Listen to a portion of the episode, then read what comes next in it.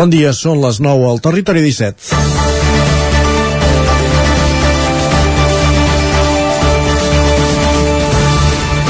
Presó provisional sense fiança. És la resolució que signava ahir el titular, de, el titular del jutjat de primera instància instrucció número 1 de Ripoll respecte al jove de la vila acusat de l'homicidi de la seva mare el passat diumenge al matí.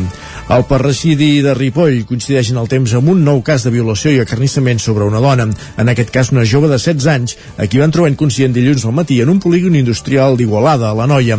El cas és que al mateix temps que la societat, liderada pels moviments feministes, es revela cada cop amb més força i claredat contra aquestes intolerables actituds masclistes, una part volem creure que ínfima però repugnant de la població les manté i adopta amb una naturalitat esfraïdora.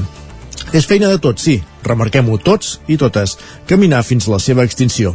Benvinguts al Territori 17, a la sintonia de la veu de Sant Joan, Ona Codinenca, Ràdio Cardedeu, Ràdio Vic, el 9 FM i el 9 TV. Territori 17, amb Isaac Moreno i Jordi Sunyer.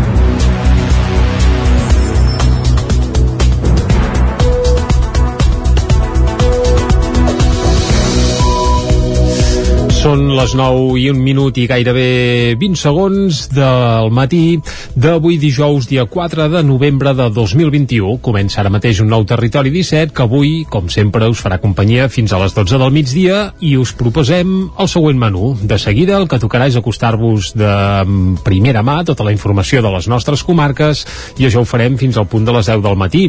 Després tornarem i avui, Isaac, tindrem entrevista per anar cap a Ugassa, on sembla que hi ha caliu, eh?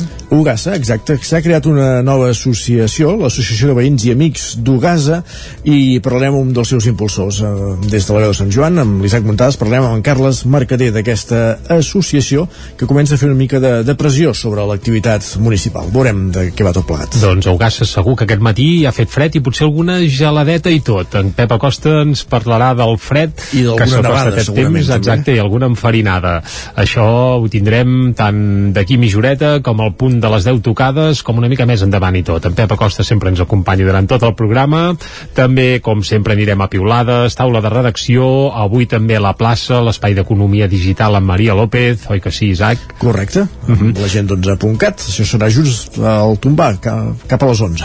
Perfecte, i a partir de les 11, més informació. Avui ens visitarà la Cristina Enfruns amb la secció de paraules i curiositats del català i acabarem, com tots els dijous, doncs, després d'haver anat al tren, a la R3, a la Trenc d'Alba, parlant de cinema. Quan era jove hi anava amb tren fins al cine, ja veus? Ah, sí?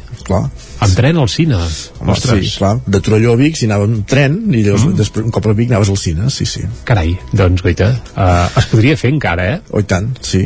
Doncs va. Si, ens- si mantenen els cines oberts, sí. Doncs eh, tren o sense, nosaltres avui acabarem el programa anant al cinema. Ara el que toca, però, per arrencar és acostar-vos l'actualitat de casa nostra, l'actualitat de les comarques del Ripollès, Osona, el Moianès i el Vallès Oriental.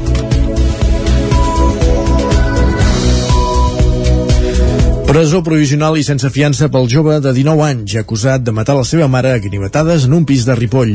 Isaac Muntades, des de la veu de Sant Joan. El jutjat de primera instància instrucció número 1 de Ripoll va decretar aquest dimecres presó provisional comunicada i sense fiança per a Gerard Passamontes, el jove de 19 anys que hauria matat la seva mare a ganivetades en un pis de l'Avinguda Ripollès, a la zona sud de la capital. Segons va informar el Tribunal Superior de Justícia de Catalunya, la causa en el moment inicial de la instrucció està oberta per un delicte d'homicidi. El tribunal també va assegurar que no els hi constava cap antecedent judicial en relació a cap altre episodi entre mare i fill, tot i que és evident que el fill havia maltractat la mare en diverses ocasions, segons apuntaven alguns veïns. Fins i tot l'hauria amenaçat una vegada amb una ballesta. Segons l'Agència Catalana de Notícies, el jutjat Passamontes va explicar que la matinada de diumenge havien begut al carrer i que cap a les 8 del matí ell i el seu amic van anar al domicili de l'Avinguda Ripollès. El seu company es va posar a dormir i quan ell també volia fer-ho, la mare els hauria dit que marxessin. El presumpte homicida va declarar que l'agressió l'havia iniciat la mare, que va intentar apunyalar-lo després d'entrar a la seva habitació i agafar una navalla que hi havia allà i que quan ell va intentar repel·lir l'atac va ferir-la en defensa pròpia amb la navalla al costat. El noi també va assegurar que abans de sortir per la porta la víctima volia tornar-lo a agredir, ja que s'havia aconseguit desclavar la navalla i ell va donar-li una cossa al cap. A més va assegurar que només volia marxar al bosc i que la seva mare es va tallar el coll ella mateixa, una versió que no encaixa amb les ferides que presentava Maria Isabel Carpio, l'anàlisi de l'escena del crim i les proves recollides al domicili. L'acusat d'homicidi ha admès que la relació entre ells havia empitjorat i que en el moment de l'atac no pensava que la víctima fos la seva mare perquè va afirmar que una mare no atacaria el seu fill. En un principi, Passamonte s'havia acollit el seu dret a no declarar davant del jutge, però després de la compareixença de presó i quan se li ha concedit el torn a l'última paraula, el detingut s'ho va repensar i va dir que sí que volia fer-ho.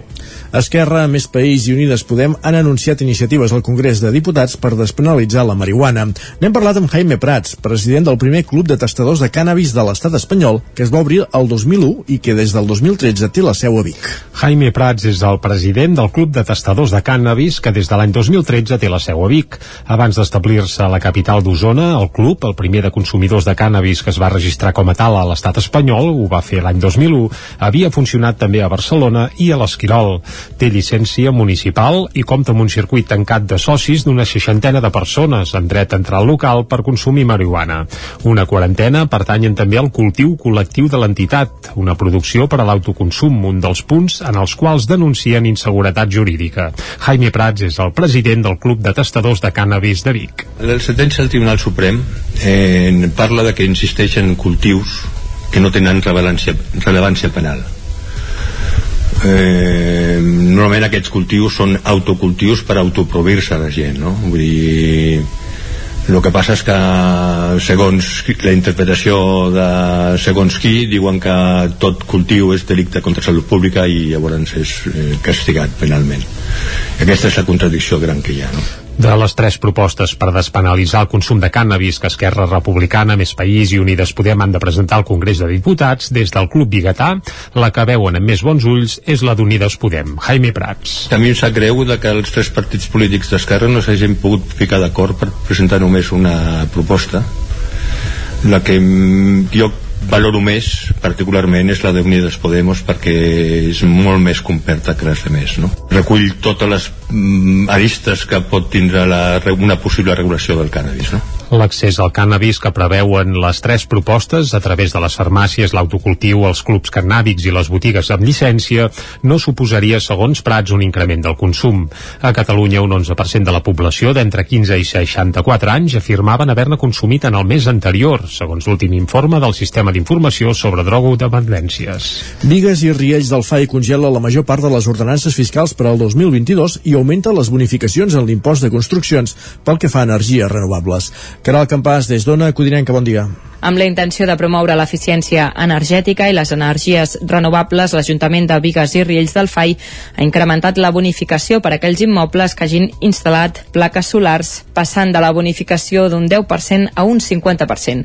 Aquest és un dels canvis de les ordenances fiscals per l'any 2022 que s'ha aprovat amb els vots a favor de l'equip de govern i els vots en contra de l'oposició, ACBIR, Ciutadans i el PSC. En la mateixa línia, les ordenances també inclouen una bonificació per obres amb consum pràcticament nul que disposin de certificats d'excel·lència energètica.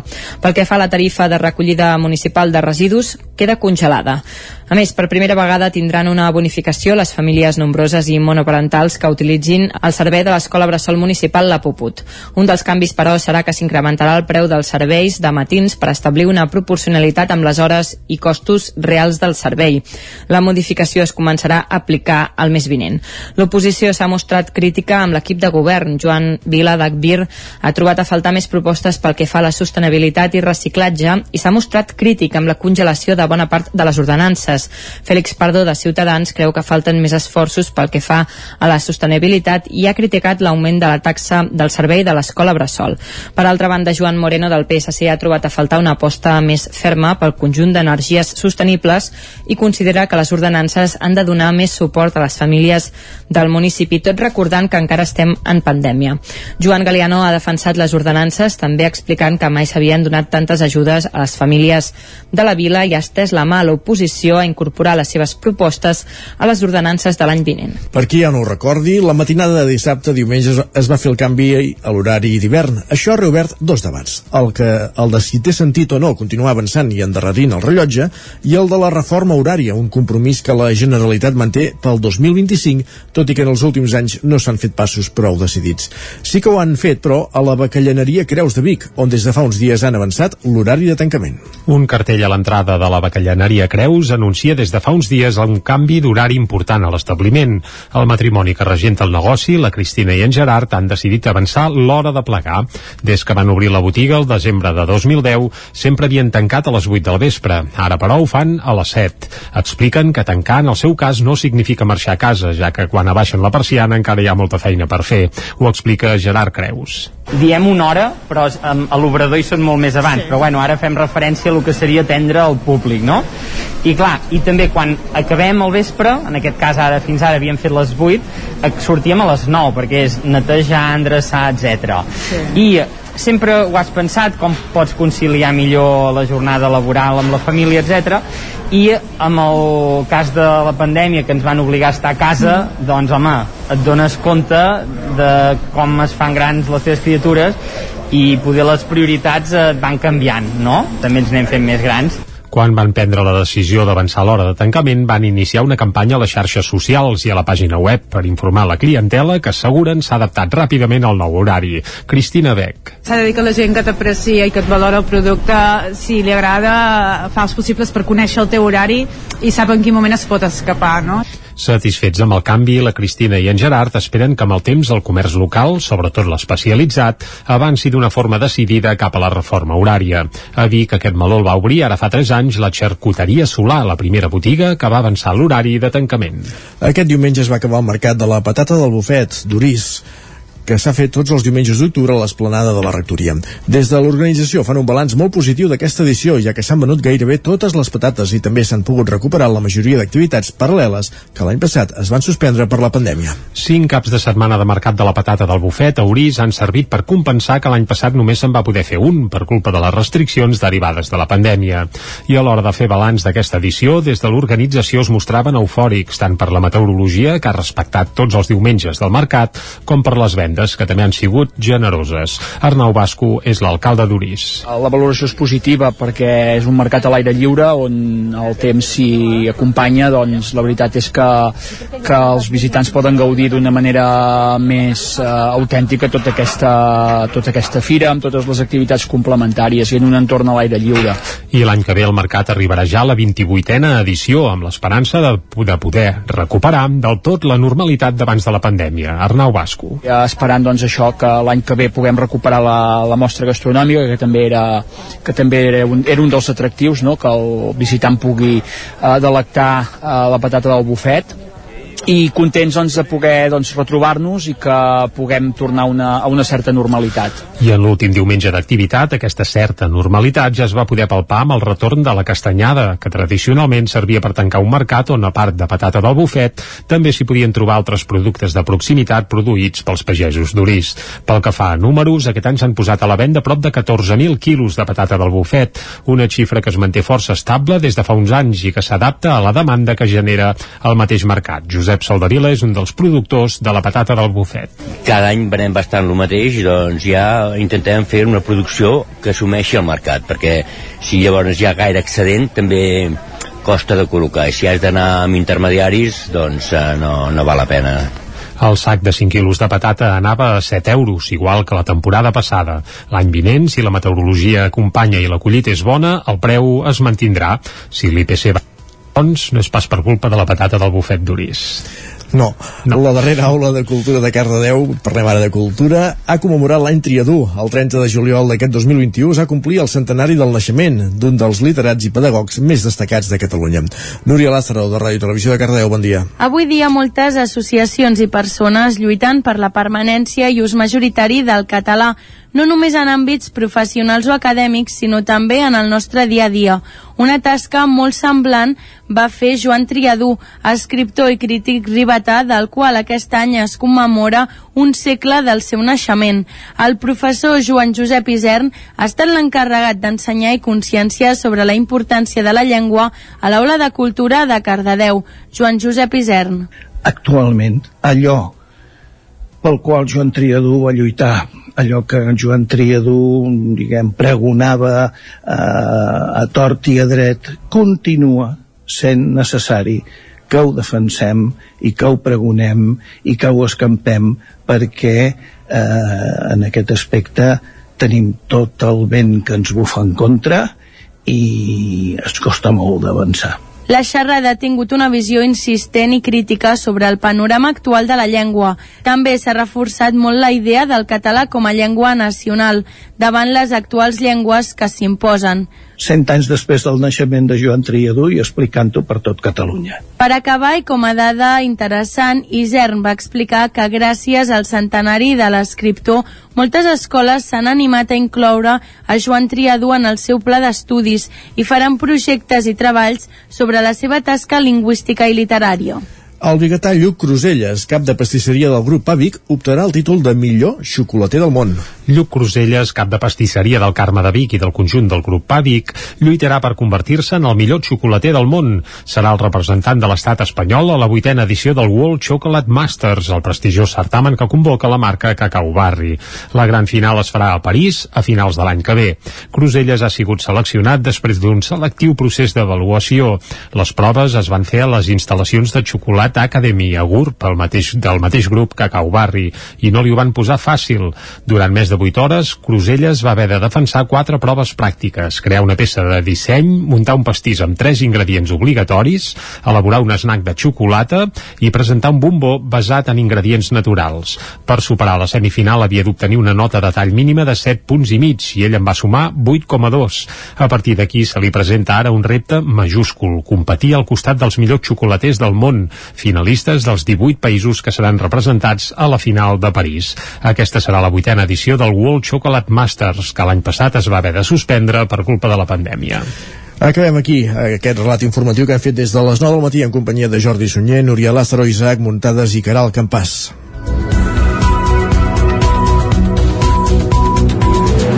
Moment ara de conèixer la previsió meteorològica.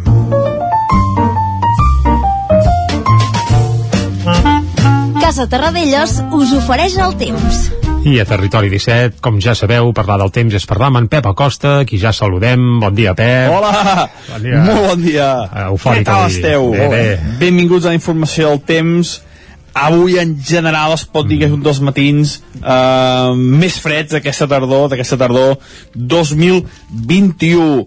Glaçades contundents al Pirineu, 7 sota 0 i de Ter, uh, 3-4 sota 0 a Núria, també a Molló, ha glaçat per fi fora del Pirineu, uh, cap al Montseny, cap al transversal, cap al Moianès, els zones més fredes també, uh, és bo que glaci, és bo per l'agricultura, és bo pels animals, és bo per les persones, que són, no són més que, que animals, vull dir, és bo, és bo que faci el temps que ha de fer, i per tant ja toca més fred, uh, ara ja toca pluja, passa que no cal arribar a la pluja, però bueno, toca aquest temps que està fent aquestes últimes hores. Ahir vam tenir un dia bastant variable, fred, ahir sí que vam tenir fred també durant tot el dia, i era hora, i era hora que augmentés aquesta sensació i aquest fred a totes les nostres comarques.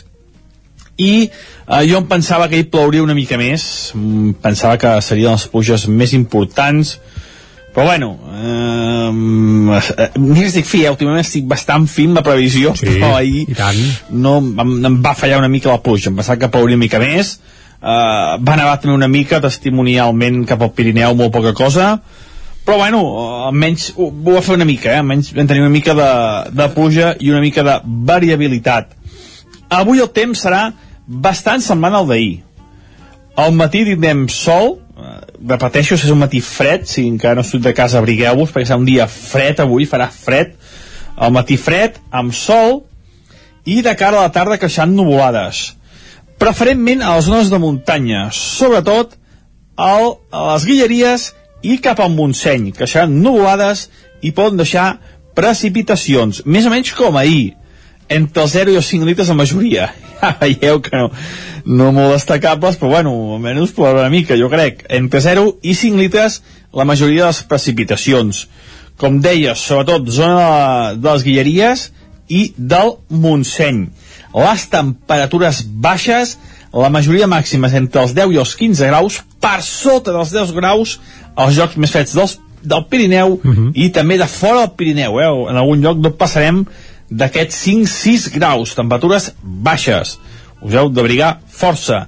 Vent encara tramuntana, no molt fort, vents màxims de 30, 40, 50 km per hora ahir van superar els 70-80 km per hora avui afluixarà una mica aquesta tramuntana, aquesta injecció de fred afluixarà una mica de cara als pocs dies el sol serà el gran protagonista però el fred també per tant, sol i fred de cara, sembla cap de setmana no vull avançar-ho del tot encara però sembla que això eh, serà, farà sol i fred al cap de setmana. que tinc clar és avui sol al matí nuvolades de tarda a una tempesta cap zona del Montseny i Guilleries i això sí, un fred ben viu durant tot el dia.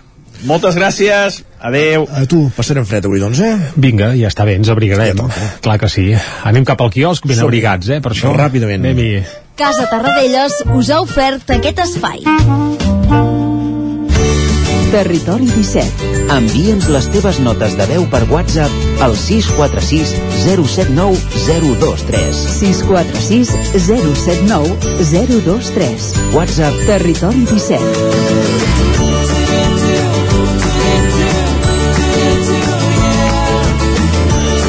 Territori 17. Som a Facebook, Twitter i Instagram amb l'usuari Territori 17.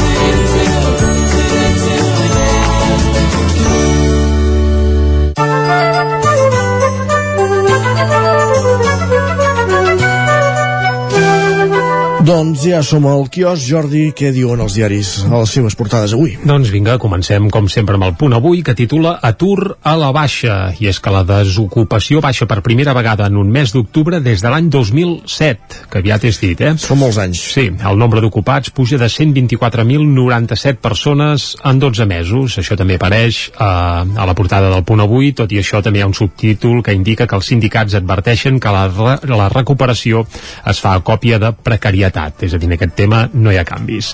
La fotografia és per 6 dels 9 de lledoners absolts. La Fiscalia els ha retirat les acusacions i les ha rebaixat per la resta d'acusats. Això apareix també a la portada del Punt Avui, on també hi ha un raconet per Xavi i el Barça, i diu Xavi i el Barça queden entesos, falta a l'assat. És a dir, falta pre entendre's- aquest l'Alassat, eh? Bé, però tot fa pensar que jo crec que aquest, que aquest cap de setmana això estarà al sac i ben lligat, eh? però vaja, ja es veurà i evidentment ho seguirem.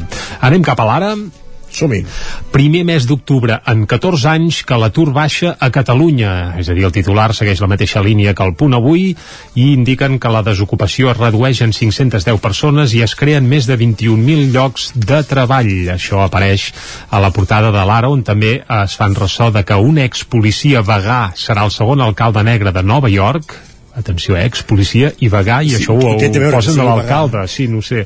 Ai, això ho posen al titular, és tot curiós, eh?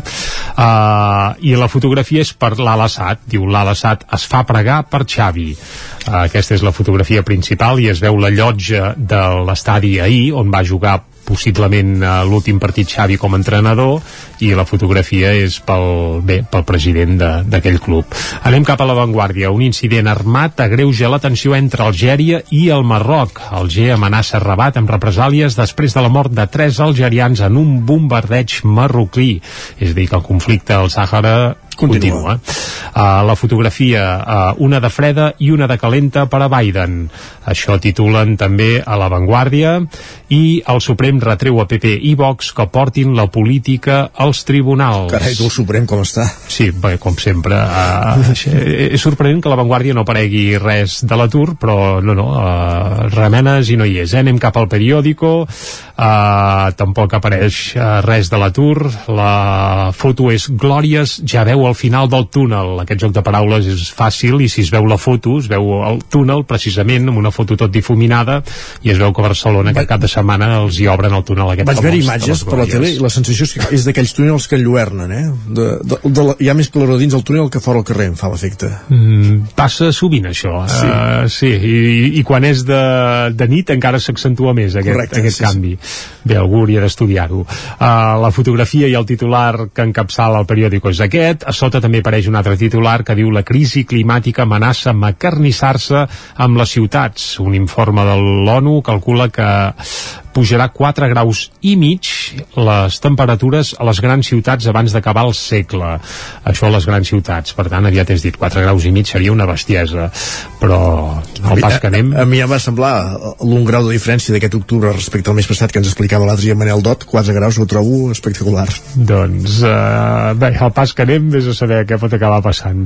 Anem cap a Madrid, som-hi. Va, comencem pel país. El govern renuncia al topall general del 15% de temporalitat. Això és el que titula el País i també explica que l'emissió global de CO2 puja a nivells com els d'abans de la pandèmia Uh, això també apareix en aquest cas al país i el conflicte al qual es feia referència a l'avantguàrdia també apareix en un recol país. Argèlia acusa Rabat d'un bombardeig contra civils al Sàhara.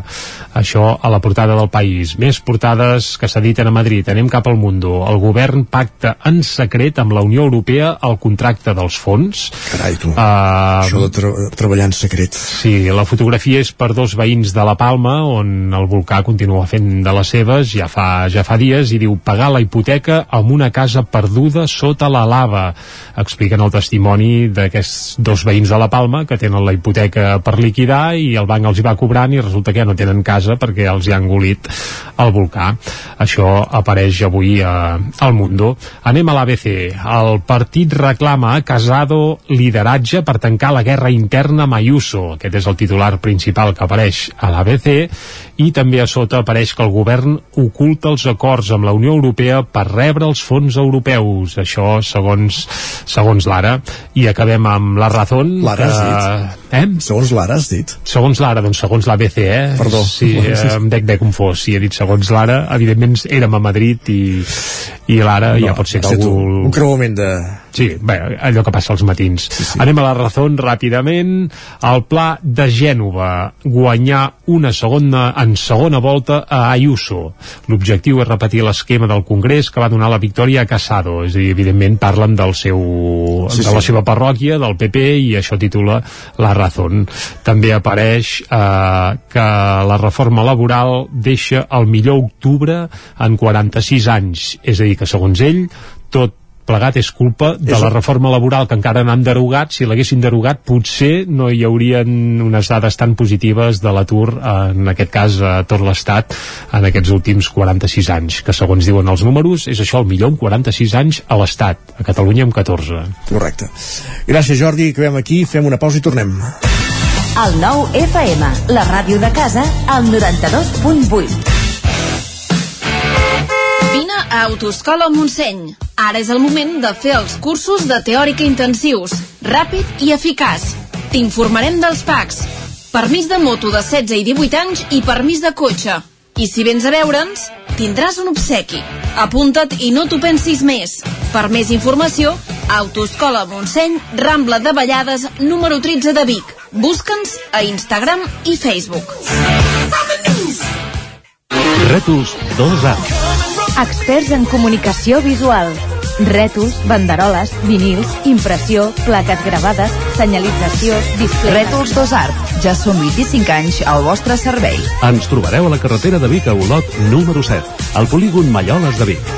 dosartvic.com Telèfon 93 889 2588. Això és el que s'escolta al voltant d'una caldera saunia d'Oval tranquil·litat i benestar, perquè gaudeix del millor manteniment del servei tècnic oficial per estar despreocupat. O el que vulgui. Informis a Oficiat Nord trucant al 938860040. Saunier Duval, sempre al seu costat. El racó de León. Gaudeix de la nostra terrassa. Vine a tastar les xuletilles de lechal a la brasa amb una bona amanida o el xuletón de vedella gallega. No et pots perdre el nostre lechado de Castilla al forn o el cochinillo a l'estil de Segovia. Tot acompanyat del millor celler, al menjador o fora la terrassa. Descobreix la millor cuina de Lleó sense moure't de casa. Vine amb la família, els amics, la parella o sol. T'encantarà. El racó de León, cuina tradicional lleonesa i de mercat. Som al carrer Torelló número 35 de Vic. Per reserves, telèfon 93 889 1950. El racó de León, una cuina diferent. Som especialistes en cargols a la llauna. Vine a tastar-los al racó de León. Amb Pradell estalvio energia i cuido la meva butxaca i el medi ambient. Posa't en mans de Pradell, són experts en calderes de gas i condensació, estufes de pèl·let, energia solar, terres radiants i geotèrmia. Pradell instal·la calderes de biomassa per a particulars i per a empreses. Si vols estalviar un 50% en consum, contacta amb Pradell i passa't a les energies renovables. Pradell, som a l'Avinguda Països Catalans 27 de Vic. Telèfon 93 885 1197. Pradell.cat. Impremta Mater, el servei de particulars i empreses. Fem catàlegs, llibres, papereria corporativa, targetes, fulletons i també venem material d'oficina i escriptori, bolígrafs, arxivadors, grapadores, llibretes i molt més. Mater Impressors des de 1957. Impremta Mater. Ens trobaràs a la carretera de Sant Hipòlit, número 23 de Vic i a la impremtamater.com. Són dos quarts de deu. Territori 17, amb Isaac Moreno i Jordi Sunyer.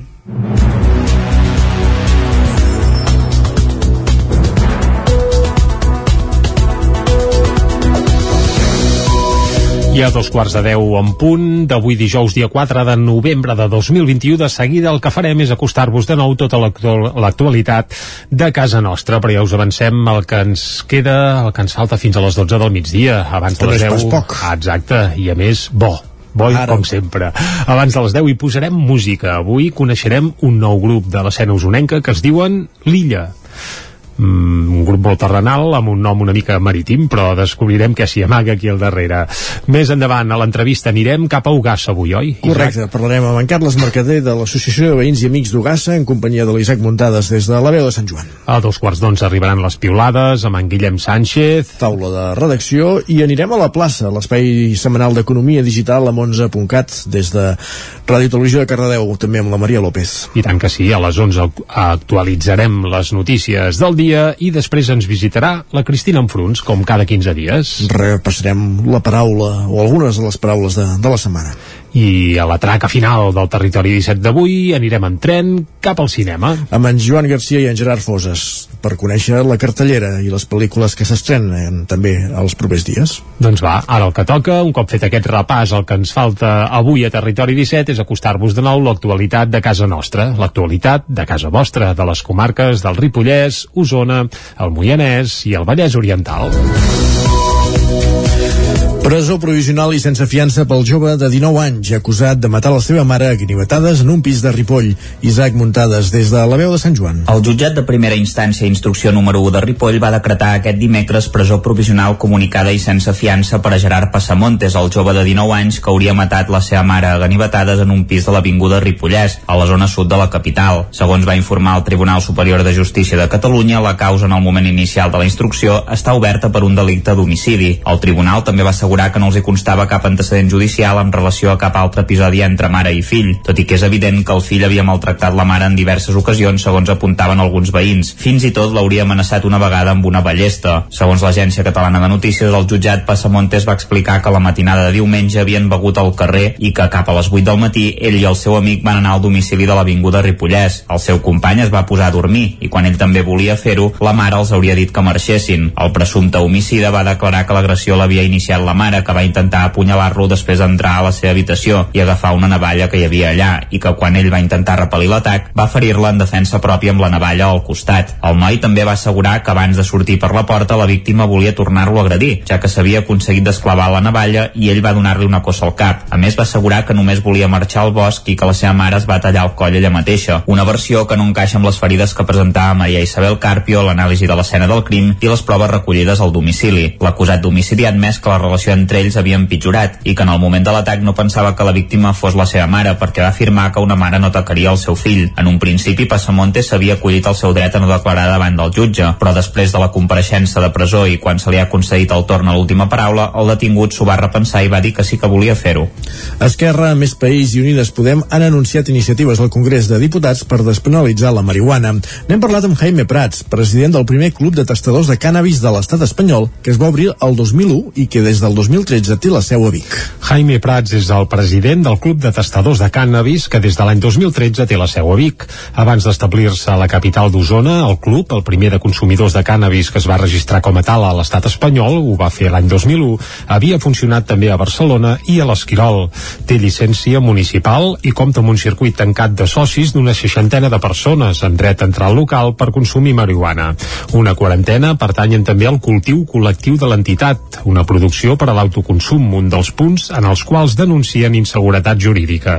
Jaime Prats és el president del Club de Tastadors de Cannabis de Vic. La sentència del Tribunal Suprem eh, parla de que insisteixen cultius que no tenen rellevància, rellevància penal eh, normalment aquests cultius són autocultius per autoprovir-se la gent no? vull dir el que passa és que segons la interpretació de segons qui diuen que tot cultiu és delicte contra salut pública i llavors és eh, castigat penalment aquesta és la contradicció gran que hi ha no? De les tres propostes per despenalitzar el consum de cànnabis que Esquerra Republicana, Més País i Unides Podem han de presentar al Congrés de Diputats, des del Club Bigatà, la que veuen amb més bons ulls és la d'Unides Podem. Jaime Prats. També em sap greu de que els tres partits polítics d'Esquerra no s'hagin pogut ficar d'acord per presentar només una proposta la que jo valoro més particularment és la d'Unides Podemos perquè és molt més completa que les demés no? recull totes les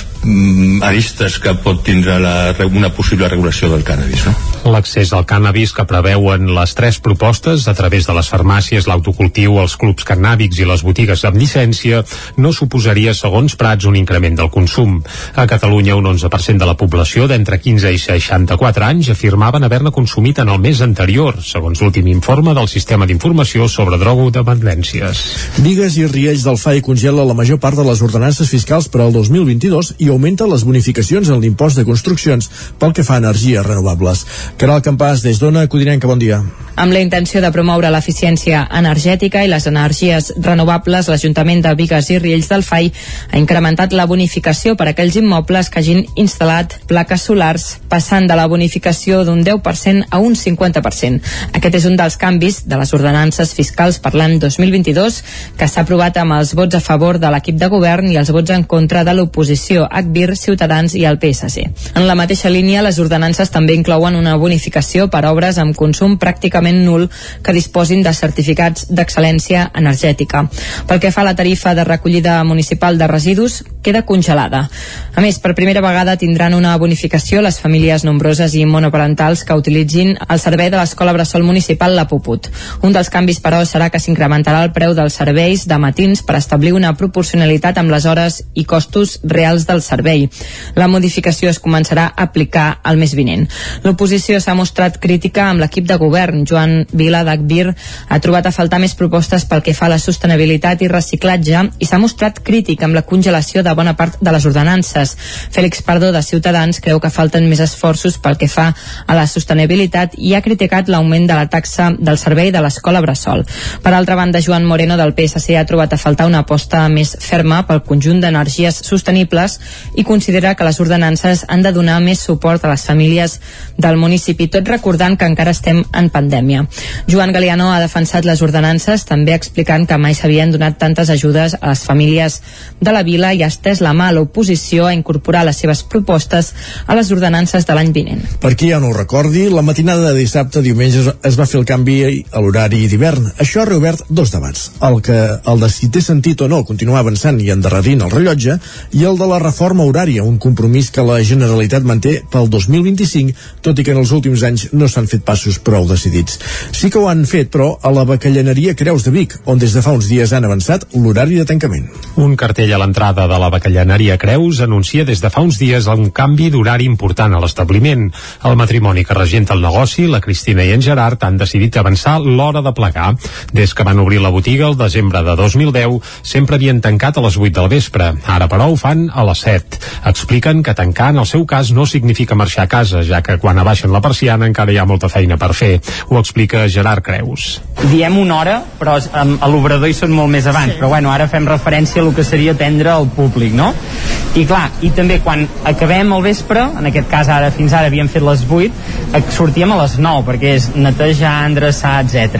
Sí. i sempre ho has pensat com pots conciliar millor la jornada laboral amb la família, etc. I amb el cas de la pandèmia que ens van obligar a estar a casa, doncs home, et dones compte de com es fan grans les teves criatures i poder les prioritats et van canviant, no? També ens anem fent més grans quan van prendre la decisió d'avançar l'hora de tancament, van iniciar una campanya a les xarxes socials i a la pàgina web per informar la clientela que asseguren s'ha adaptat ràpidament al nou horari. Cristina Beck. S'ha de dir que la gent que t'aprecia i que et valora el producte, si li agrada, fa els possibles per conèixer el teu horari i sap en quin moment es pot escapar, no? Satisfets amb el canvi, la Cristina i en Gerard esperen que amb el temps el comerç local, sobretot l'especialitzat, avanci d'una forma decidida cap a la reforma horària. A que aquest meló el va obrir ara fa 3 anys la xarcuteria Solà, la primera botiga que va avançar l'horari de tancament. Aquest diumenge es va acabar el mercat de la patata del bufet, d'Uris que s'ha fet tots els diumenges d'octubre a l'esplanada de la rectoria. Des de l'organització fan un balanç molt positiu d'aquesta edició, ja que s'han venut gairebé totes les patates i també s'han pogut recuperar la majoria d'activitats paral·leles que l'any passat es van suspendre per la pandèmia. Cinc caps de setmana de mercat de la patata del bufet a Orís han servit per compensar que l'any passat només se'n va poder fer un per culpa de les restriccions derivades de la pandèmia.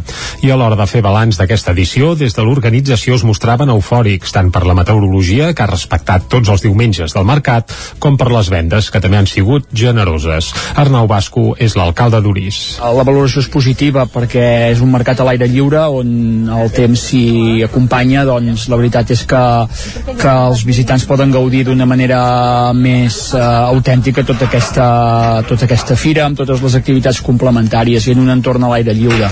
I l'any que ve el mercat arribarà ja a la 28a edició amb l'esperança de, de poder recuperar del tot la normalitat d'abans de la pandèmia. Arnau Basco. Ja esperant doncs, això que l'any que ve puguem recuperar la, la mostra gastronòmica que també era, que també era, un, era un dels atractius no? que el visitant pugui eh, delectar eh, la patata del bufet i contents doncs, de poder doncs, retrobar-nos i que puguem tornar una, a una certa normalitat. I en l'últim diumenge d'activitat, aquesta certa normalitat ja es va poder palpar amb el retorn de la castanyada, que tradicionalment servia per tancar un mercat on, a part de patata del bufet, també s'hi podien trobar altres productes de proximitat produïts pels pagesos d'Uris. Pel que fa a números, aquest any s'han posat a la venda prop de 14.000 quilos de patata del bufet, una xifra que es manté força estable des de fa uns anys i que s'adapta a la demanda que genera el mateix mercat. Josep Saldarila és un dels productors de la patata del bufet. Cada any venem bastant el mateix, doncs ja intentem fer una producció que assumeixi el mercat, perquè si llavors hi ha gaire excedent també costa de col·locar, i si has d'anar amb intermediaris, doncs eh, no, no val la pena. El sac de 5 quilos de patata anava a 7 euros, igual que la temporada passada. L'any vinent, si la meteorologia acompanya i la collita és bona, el preu es mantindrà. Si l'IPC va doncs no és pas per culpa de la patata del bufet d'Uris. No. no. La darrera aula de cultura de Cardedeu, parlem ara de cultura, ha commemorat l'any Triadú. El 30 de juliol d'aquest 2021 s'ha complir el centenari del naixement d'un dels literats i pedagogs més destacats de Catalunya. Núria Lázaro, de Ràdio Televisió de Cardedeu, bon dia. Avui dia moltes associacions i persones lluitant per la permanència i ús majoritari del català no només en àmbits professionals o acadèmics, sinó també en el nostre dia a dia. Una tasca molt semblant va fer Joan Triadú, escriptor i crític ribetà, del qual aquest any es commemora un segle del seu naixement.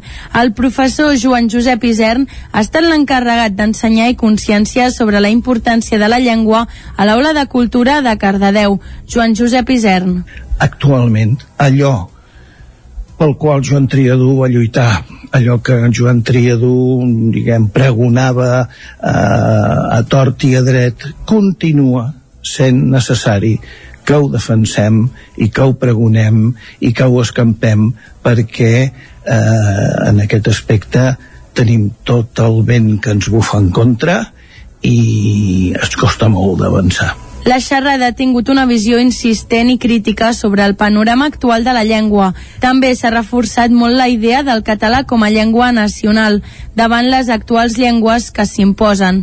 Cent anys després del naixement de Joan Triadú i explicant-ho per tot Catalunya. Per acabar, i com a dada interessant, Isern va explicar que gràcies al centenari de l'escriptor, moltes escoles s'han animat a incloure a Joan Triadú en el seu pla d'estudis i faran projectes i treballs sobre la seva tasca lingüística i literària.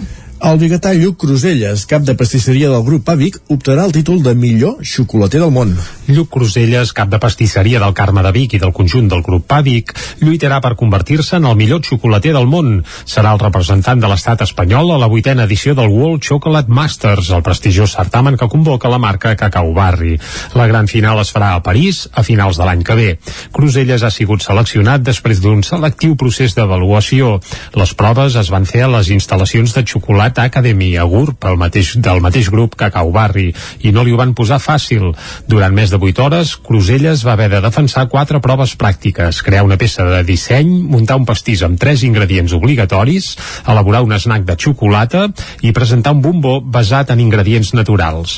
Per superar la semifinal havia d'obtenir una nota de tall mínima de 7 punts i mig i ell en va sumar 8,2. A partir d'aquí se li presenta ara un repte majúscul, competir al costat dels millors xocolaters del món, finalistes dels 18 països que seran representats a la final de París. Aquesta serà la vuitena edició del World Chocolate Masters, que l'any passat es va haver de suspendre per culpa de la pandèmia. Acabem aquí aquest relat informatiu que hem fet des de les 9 del matí en companyia de Jordi Sunyer, Núria Lázaro, Isaac Muntades i Caral Campàs.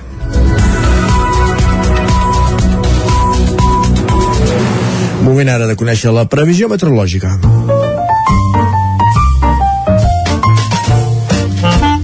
Casa Terradellos us ofereix el temps. I a Territori 17, com ja sabeu, parlar del temps és parlar amb en Pep Acosta, qui ja saludem. Bon dia, Pep. Hola! Bon dia. Molt bon dia! Uh, eufòric Què tal esteu? Bé, bé. Benvinguts a la informació del temps. Avui, en general, es pot dir que és un dels matins uh, més freds d'aquesta tardor, d'aquesta tardor 2021.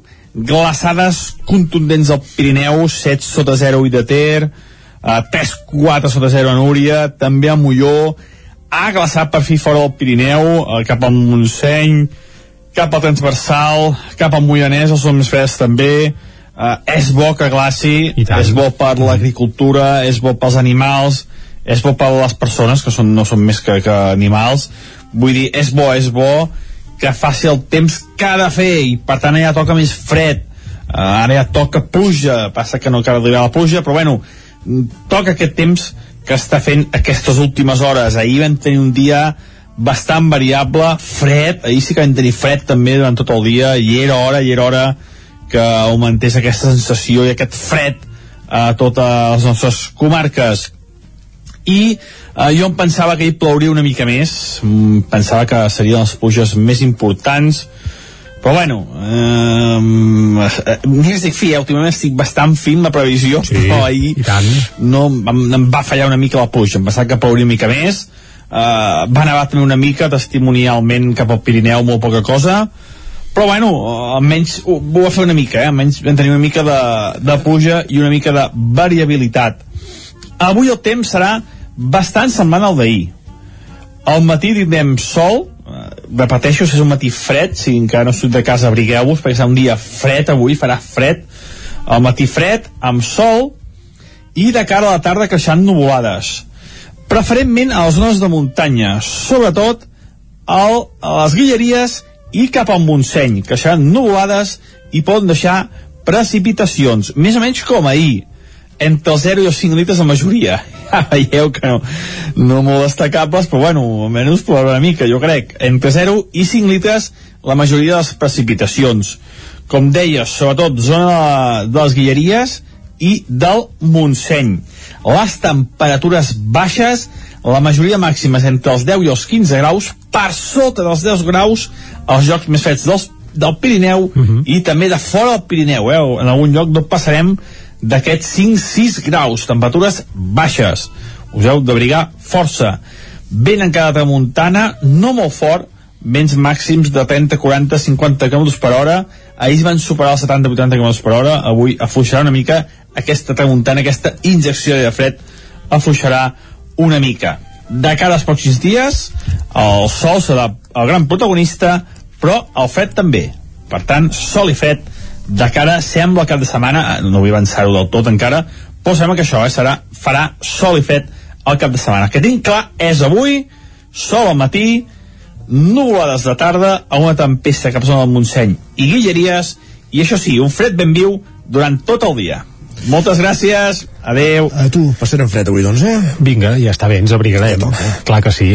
Anem cap al quiosc ben abrigats, eh, per això. Ràpidament. Anem-hi. Casa Tarradellas us ha ofert aquest espai.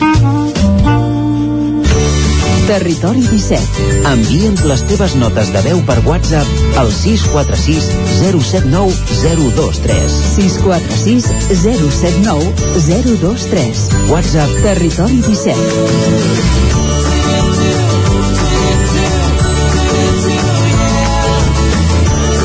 Territori 17. Som a Facebook, Twitter i Instagram amb l'usuari Territori 17.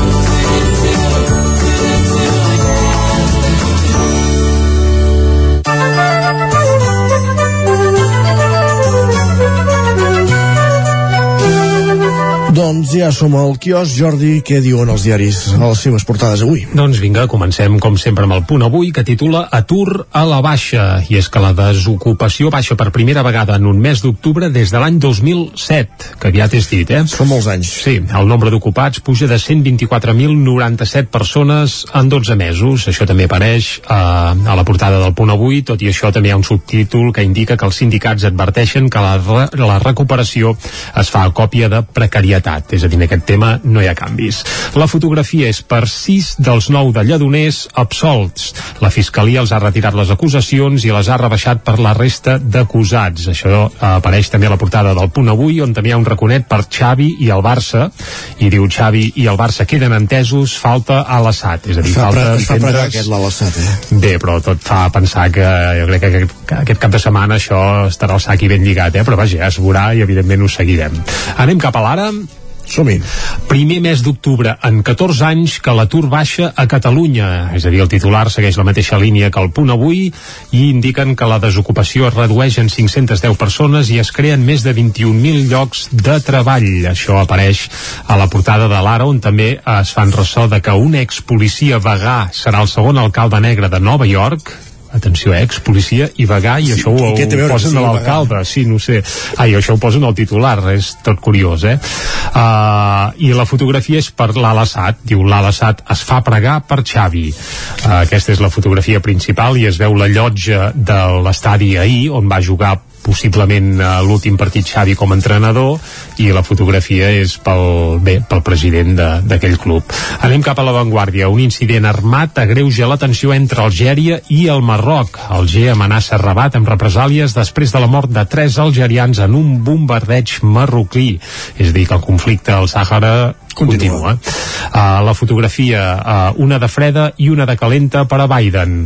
Això titulen també a l'avantguàrdia i el Suprem retreu a PP i Vox que portin la política als tribunals. Carai, tu el Suprem com està? Sí, bé, com sempre. Uh, és sorprenent que a l'avantguàrdia no aparegui res de l'atur, però no, no, uh, remenes i no hi és. Eh? Anem cap al periòdico, uh, tampoc apareix uh, res de l'atur, la foto és Glòries ja veu al final del túnel. Aquest joc de paraules és fàcil i si es veu la foto, es veu el túnel precisament amb una foto tot difuminada i es veu que Barcelona aquest cap de setmana els hi obren el túnel aquest Vaig veure imatges per la tele i la sensació és, que és d'aquells túnels que enlluernen, eh?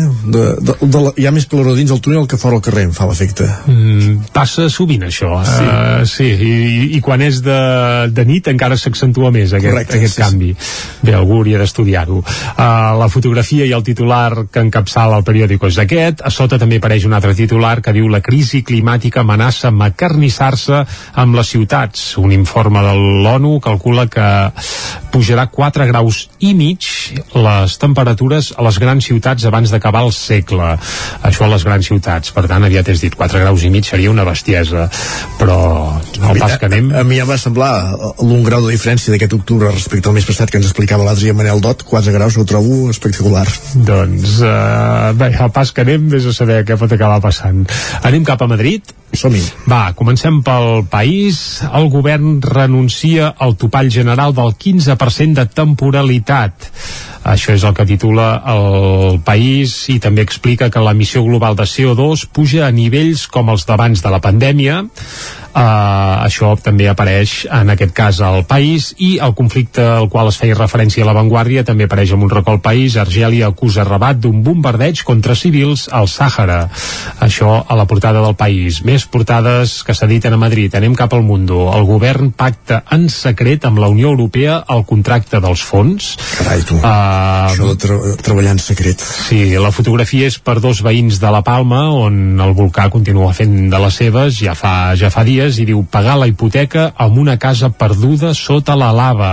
Expliquen el testimoni d'aquests dos veïns de la Palma que tenen la hipoteca per liquidar i el banc els hi va cobrant i resulta que ja no tenen casa perquè els hi ha engolit el volcà. Això apareix avui a, al Mundo. Anem a l'ABC. El partit reclama a Casado lideratge per tancar la guerra interna amb Ayuso. Aquest és el titular principal que apareix a l'ABC i també a sota apareix que el govern oculta els acords amb la Unió Europea per rebre els fons europeus. Això segons segons l'ara. I acabem amb la Razón. L'ara has dit? Eh? Segons l'ara has dit? Segons l'ara, doncs segons l'ABC, eh? Perdó. Sí, eh, em dec bé confós. Si he dit segons l'ara, evidentment érem a Madrid i, i l'ara no, ja pot ser que algú... Un, un creuament de... Sí, bé, allò que passa als matins. Sí, sí. Anem a la Razón ràpidament. El pla de Gènova, guanyar una segona en segona volta a Ayuso. L'objectiu és repetir l'esquema del Congrés que va donar la victòria a Casado. És a dir, evidentment parlen del seu, sí, de la seva parròquia, del PP, i això titula La Razón. També apareix eh, que la reforma laboral deixa el millor octubre en 46 anys. És a dir, que segons ell, tot plegat és culpa de la reforma laboral que encara no han derogat. Si l'haguessin derogat, potser no hi haurien unes dades tan positives de l'atur, en aquest cas a tot l'Estat, en aquests últims 46 anys, que segons diuen els números, és això el millor en 46 anys a l'Estat, a Catalunya amb 14.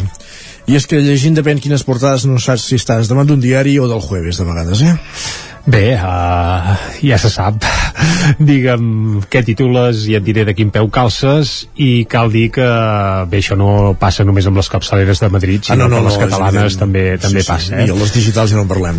I precisament que avui és ben curiós, deixa'm calçar una mica més de cullerada. En teoria, les dades de l'atur de l'octubre són relativament positives i clar, com que això aniria també teòricament a favor de qui mana, ja sigui el govern de la Generalitat aquí o el PSOE Unides Podem a l'estat espanyol, doncs, doncs clar, si titules clubs. per aquí, uh, conclusió, les portades de Madrid, això pràcticament no apareix, no fos cas que, que això sumés o, o donés crèdit a, a les polítiques del govern. Bé, cadascú que interpreti el que vulgui, nosaltres som aquí per posar-hi el dit a la llaga també i uh, explicar una mica, però ara el que toca exacte és posar-hi música i avui uh, anem d'estrenes també, eh, com fem molt sovint aquí a Territori 17 i avui coneixerem el més nou d'un grup usonenc que es diuen l'Illa, mm. i l'apostrofilla, eh, és a dir, que a l'hora de batejar-se no han buscat cap referent són, un, eh, són una illa dins el... Sí, eh, bé, potser sí, potser sí. El que escoltarem concretament és Gravat a la pedra.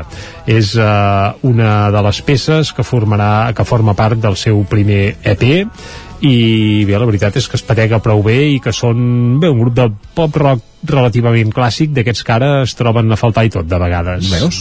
per tant, que l'escoltem, sí? Doncs vinga, l'illa amb gravat a la pedra Els arbres que amb mi creixien ara tapen l'horitzó ha plogut molt des d'aquell dia però records encara hi són. Tornar-te a dir a cau d'orella tot el que sento per tu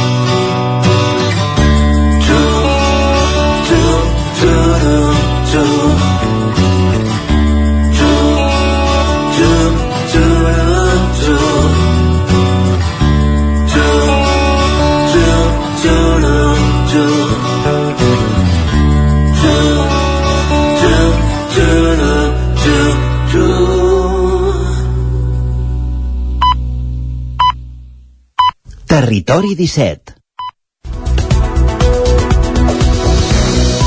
I a aquesta hora al Territori 17 és moment de posar-nos al dia, de repassar l'actualitat des de les redaccions que fan possible cada dia aquest programa. La veu de Sant Joan, Ràdio Vic, Ona Codinenca, Ràdio Cardedeu, el 9FM i el 9TV.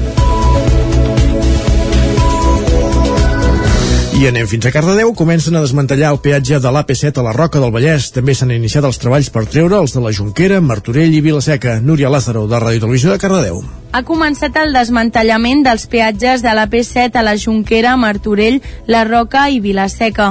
La ministra de Transports, Mobilitat i Agenda Urbana, Raquel Sánchez, ho ha anunciat aquest dilluns a la tarda al seu compte oficial de Twitter. L'acció forma part de la retirada de barreres que el govern espanyol ha de fer tant en aquesta autopista com a la P2 amb un pressupost previst de 92 milions d'euros, un cop finalitzades les concessions de les vies a finals d'agost.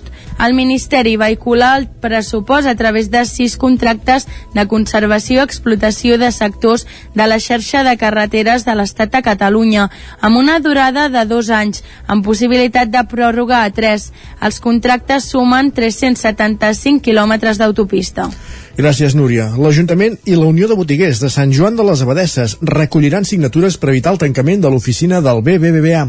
Isaac Muntades, des de la veu de Sant Joan. L'entitat financera BBVA va comunicar a l'Ajuntament de Sant Joan de les Abadeses i als seus clients que el pròxim 21 de novembre té la intenció de tancar l'oficina que hi ha ubicada al passeig Comte Guifré de la població. És per això que des d'aquest mateix dijous el Consistori i la Unió de Botiguers impulsaran una recollida de signatures per fer que el BBVA reconsideri la seva posició i evitar-ne el tancament. Els fulls es podran trobar als comerços i a la Casa de la Vila i l'alcalde Ramon Roquer va comentar que és important que signi el màxim de gent possible per fer pressió, siguin clients de l'entitat o no, o encara que no visquin al municipi. Roquer va confirmar que l'Ajuntament està mantenint converses amb representants territorials de l'entitat perquè els ajudin a traslladar la seva posició a les més altes instàncies. Per l'alcalde, tenir una oficina al municipi genera activitat econòmica i dona serveis no només a particulars, sinó també a empreses. Cal destacar que Sant Joan està situat en un punt estratègic amb altres pobles que depenen dels serveis que ofereix i és un punt neuràlgic per la gent que visita la comarca provinent de la Garrotxa o d'Osona. A més, hi ha molts clients d'avançada edat que tenen dificultats per operar a través de la banca electrònica i que encara que la situació ha millorat els darrers anys, les telecomunicacions encara són un desavantatge i el consistori defensa que cal seguir oferint serveis presencialment. En tot cas, sembla que la decisió ve de fora i els representants territorials comparteixen la incongruència de tancar-la. Això sí, no hi ha un argument clar de per què volen abaixar la persiana. No arriben arguments qui ha decidit i per què algú ha decidit tancar l'oficina de Sant Joan les Abadeses. Diguem, els representants de, de l'entitat, el territori, tenen aquesta visió global de l'entitat, que l'entitat pren la decisió de tancar X oficines arreu del territori del país. Per tant, aquest tancament forma part d'un grup de tancaments diversos que hi hauran d'oficines al país. Per tant, aquesta política d'entrada no la comparteixen, jo crec, ni els clients ni part de l'estructura de l'estructura em refereixo a treballadors que treballen amb les entitats. Motius, segurament tindran motius estratègics o motius de rendibilitat o motius, però en tot cas no, no s'ajusta a la necessitat de, de la gent i del territori. Uh -huh. L'alcalde va dir que és una estratègia de les entitats financeres per reduir presencialitat al territori per tal de reduir costos. L'Ajuntament no vol baixar el llistó i vol el manteniment de l'oficina, però si s'hagués de conformar amb una opció més viable per l'entitat, s'avindria a negociar. Una de les possibilitats és que almenys es mantingués el caixer, una solució que tampoc agrada a l'Ajuntament perquè al final dona molt poc servei. Gràcies, Isaac. N'acabarem de parlar d'aquí una estona a la taula de redacció a partir de dos quarts i mig d'onze. Més qüestions. Guillem Dorca és el nou president de la secció local d'Esquerra Republicana de Catalunya a Vic, després d'anys vinculat al partit i a l'executiu local, la setmana passada Dorca va agafar el relleu a Roger Mas, que a banda de ser regidor a l'Ajuntament de Vic, ocupava el càrrec des del setembre de 2019. I en una entrevista al programa Angle Obert del Nou TV, el nou president va avançar que l'objectiu de la nova executiva, més rejuvenida que mai però amb cares conegudes, és el de mantenir una línia continuista. Escoltem a Guillem Dorca.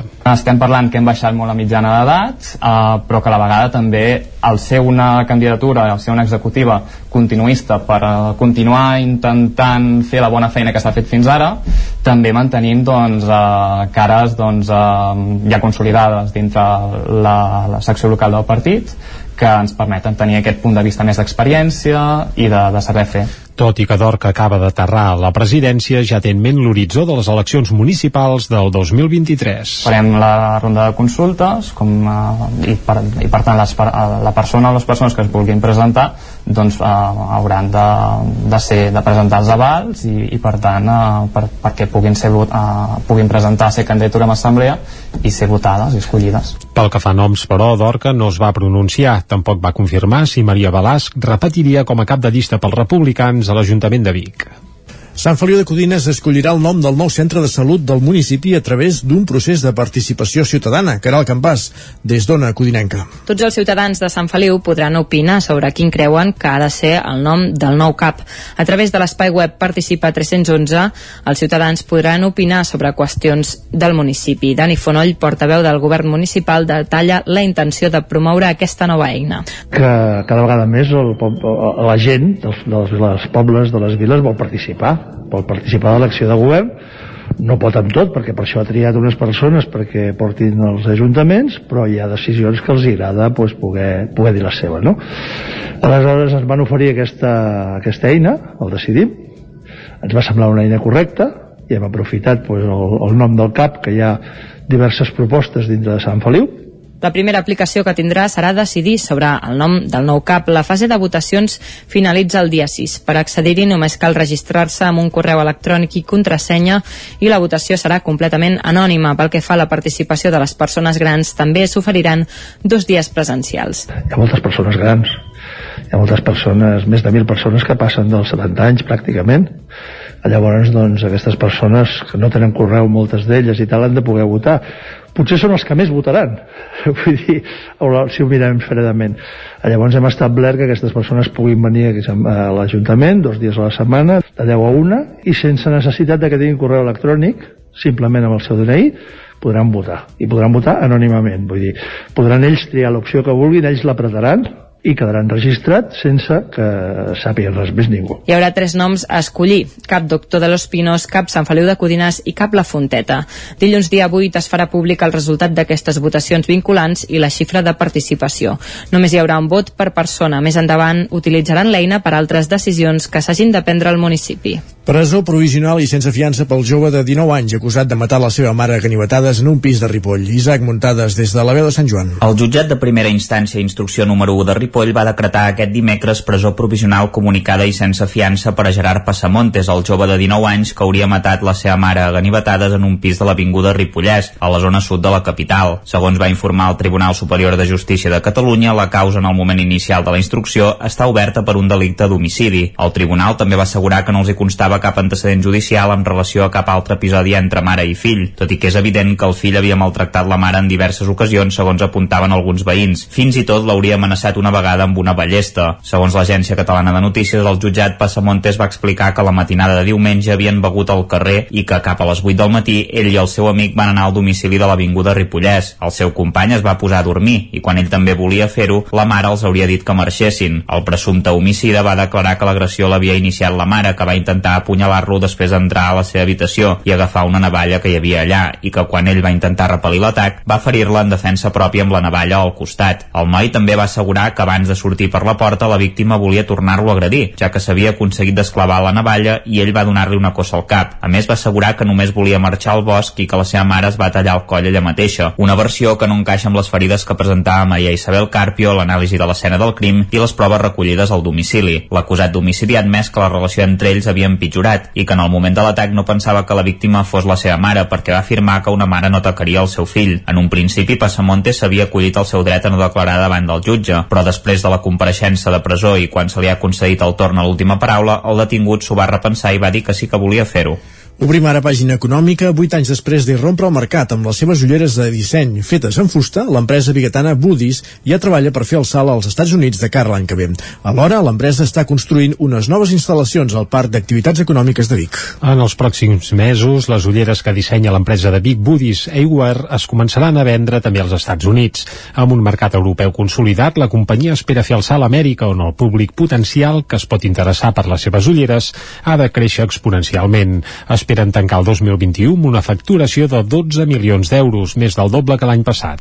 Ho explica Josep Dosta de Budis Eyewear i el fet d'obrir Estats Units necessitàvem una empresa que estigués una mica més forta, més capitalitzada per anar eh, en el mercat, diguéssim, de manera forta i, i fer-ho ben fet. Vale? Després la idea és obrir-ho a partir del setembre de l'any que ve i per què? Bàsicament perquè és un mercat molt gran, és un mercat que li agrada també la ullera diferent de disseny, eh, aprecien la qualitat, inclús les ulleres allà són un, més cares que aquí a Europa i bueno, una mica és un gran mercat també per, per, per explotar. Encara estan treballant en la ubicació definitiva de la filial, una decisió que coincideix també amb la de construir una nova seu de l'empresa al Parc d'Activitats Econòmiques de Vic. Josep Dosta. Ens mourem allà al costat de Fustes Esteve i allà muntarem un nou centre logístic que seran 2.000 metres de, de tema de per gestionar els envios, paquets, una mica tot, i després 1.000 metres d'oficina on tindrà cabuda tot el disseny, l'atenció al client, una mica tota la gestió de l'empresa. Intentar-ho fer tot des d'aquí Vic.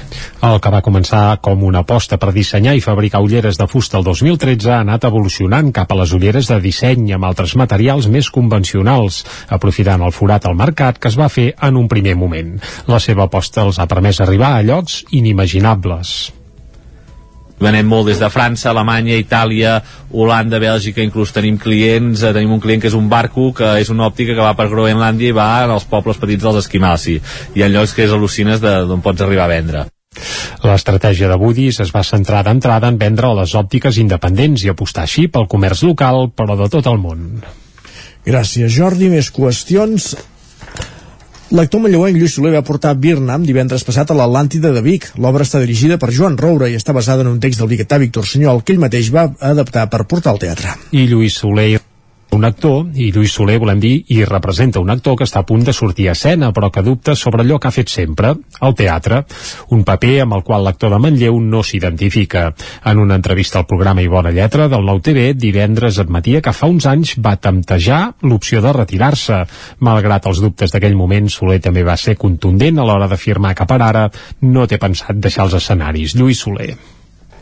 Sí, d'una manera molt no egoista en absolut, però d'una manera molt pensada eh, eh, segons com és quan el disfrutes més perquè també és quan tens, tens més claus per fer l'ofici que fas perquè fas més temps, que fa més temps que t'hi dediques i per tant doncs eh, una mica també et sap greu per, per això, senzillament per, pel fet de dir, hosti, ara que estic bé a, a l'escenari, que hi puc estar una mica tranquil potser que hi estigui una mica més Birnam es va poder veure divendres passat a l'Atlàntida de Vic. Abans havia fet temporada al Teatre de la Biblioteca de Catalunya a Barcelona.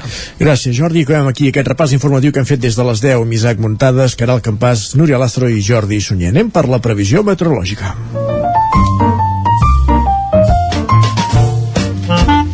Casa Terradellos us ofereix el temps.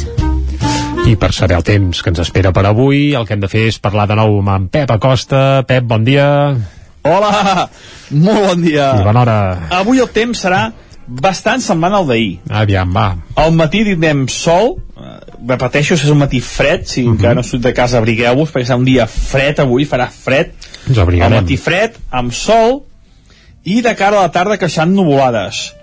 Preferentment a les zones de muntanya, sobretot al, a les Guilleries i cap al Montseny, que seran nuvolades i poden deixar precipitacions, més o menys com ahir, entre els 0 i els 5 litres la majoria. Ja veieu que no, no molt destacables, però bueno, almenys per una mica, jo crec. Entre 0 i 5 litres la majoria de les precipitacions. Com deia, sobretot zona de, les Guilleries i del Montseny. Les temperatures baixes, la majoria màxima és entre els 10 i els 15 graus, per sota dels 10 graus als llocs més freds dels, del Pirineu també de fora del Pirineu, eh? en algun lloc no passarem d'aquests 5-6 graus, temperatures baixes. Us heu d'abrigar força. Vent encara de muntana, no molt fort, vents màxims de 30, 40, 50 km per hora. Ahir van superar els 70, 80 km per hora. Avui afluixarà una mica aquesta tramuntana, aquesta injecció de fred afluixarà una mica. De cada als pocs dies, el sol serà el gran protagonista, però el fred també. Per tant, sol i fred de cara, sembla cap de setmana, eh, no vull avançar-ho del tot encara, però sembla que això eh, serà, farà sol i fred al cap de setmana. El que tinc clar és avui, sol al matí, nuvolades de tarda, a una tempesta cap a zona del Montseny i Guilleries, i això sí, un fred ben viu durant tot el dia. Moltes gràcies, adeu. Vinga, gràcies a tu, Pep. Uh, serà qüestió d'abrigar-se avui, eh, Isaac? És el que toca. I més si anem cap al Ripollès, on fa més fred, és el lloc més fred, en teoria, del territori 17. I Cap és a anem Ugassa, eh? cap a Ugassa anem ara, de fet. Doncs va, anem-hi. Cap allà, fins ara. Casa Tarradellas us ha ofert aquest espai. Territori 17. Envia'ns les teves notes de veu per WhatsApp al 646 079 023. 646 079 023. WhatsApp Territori 17.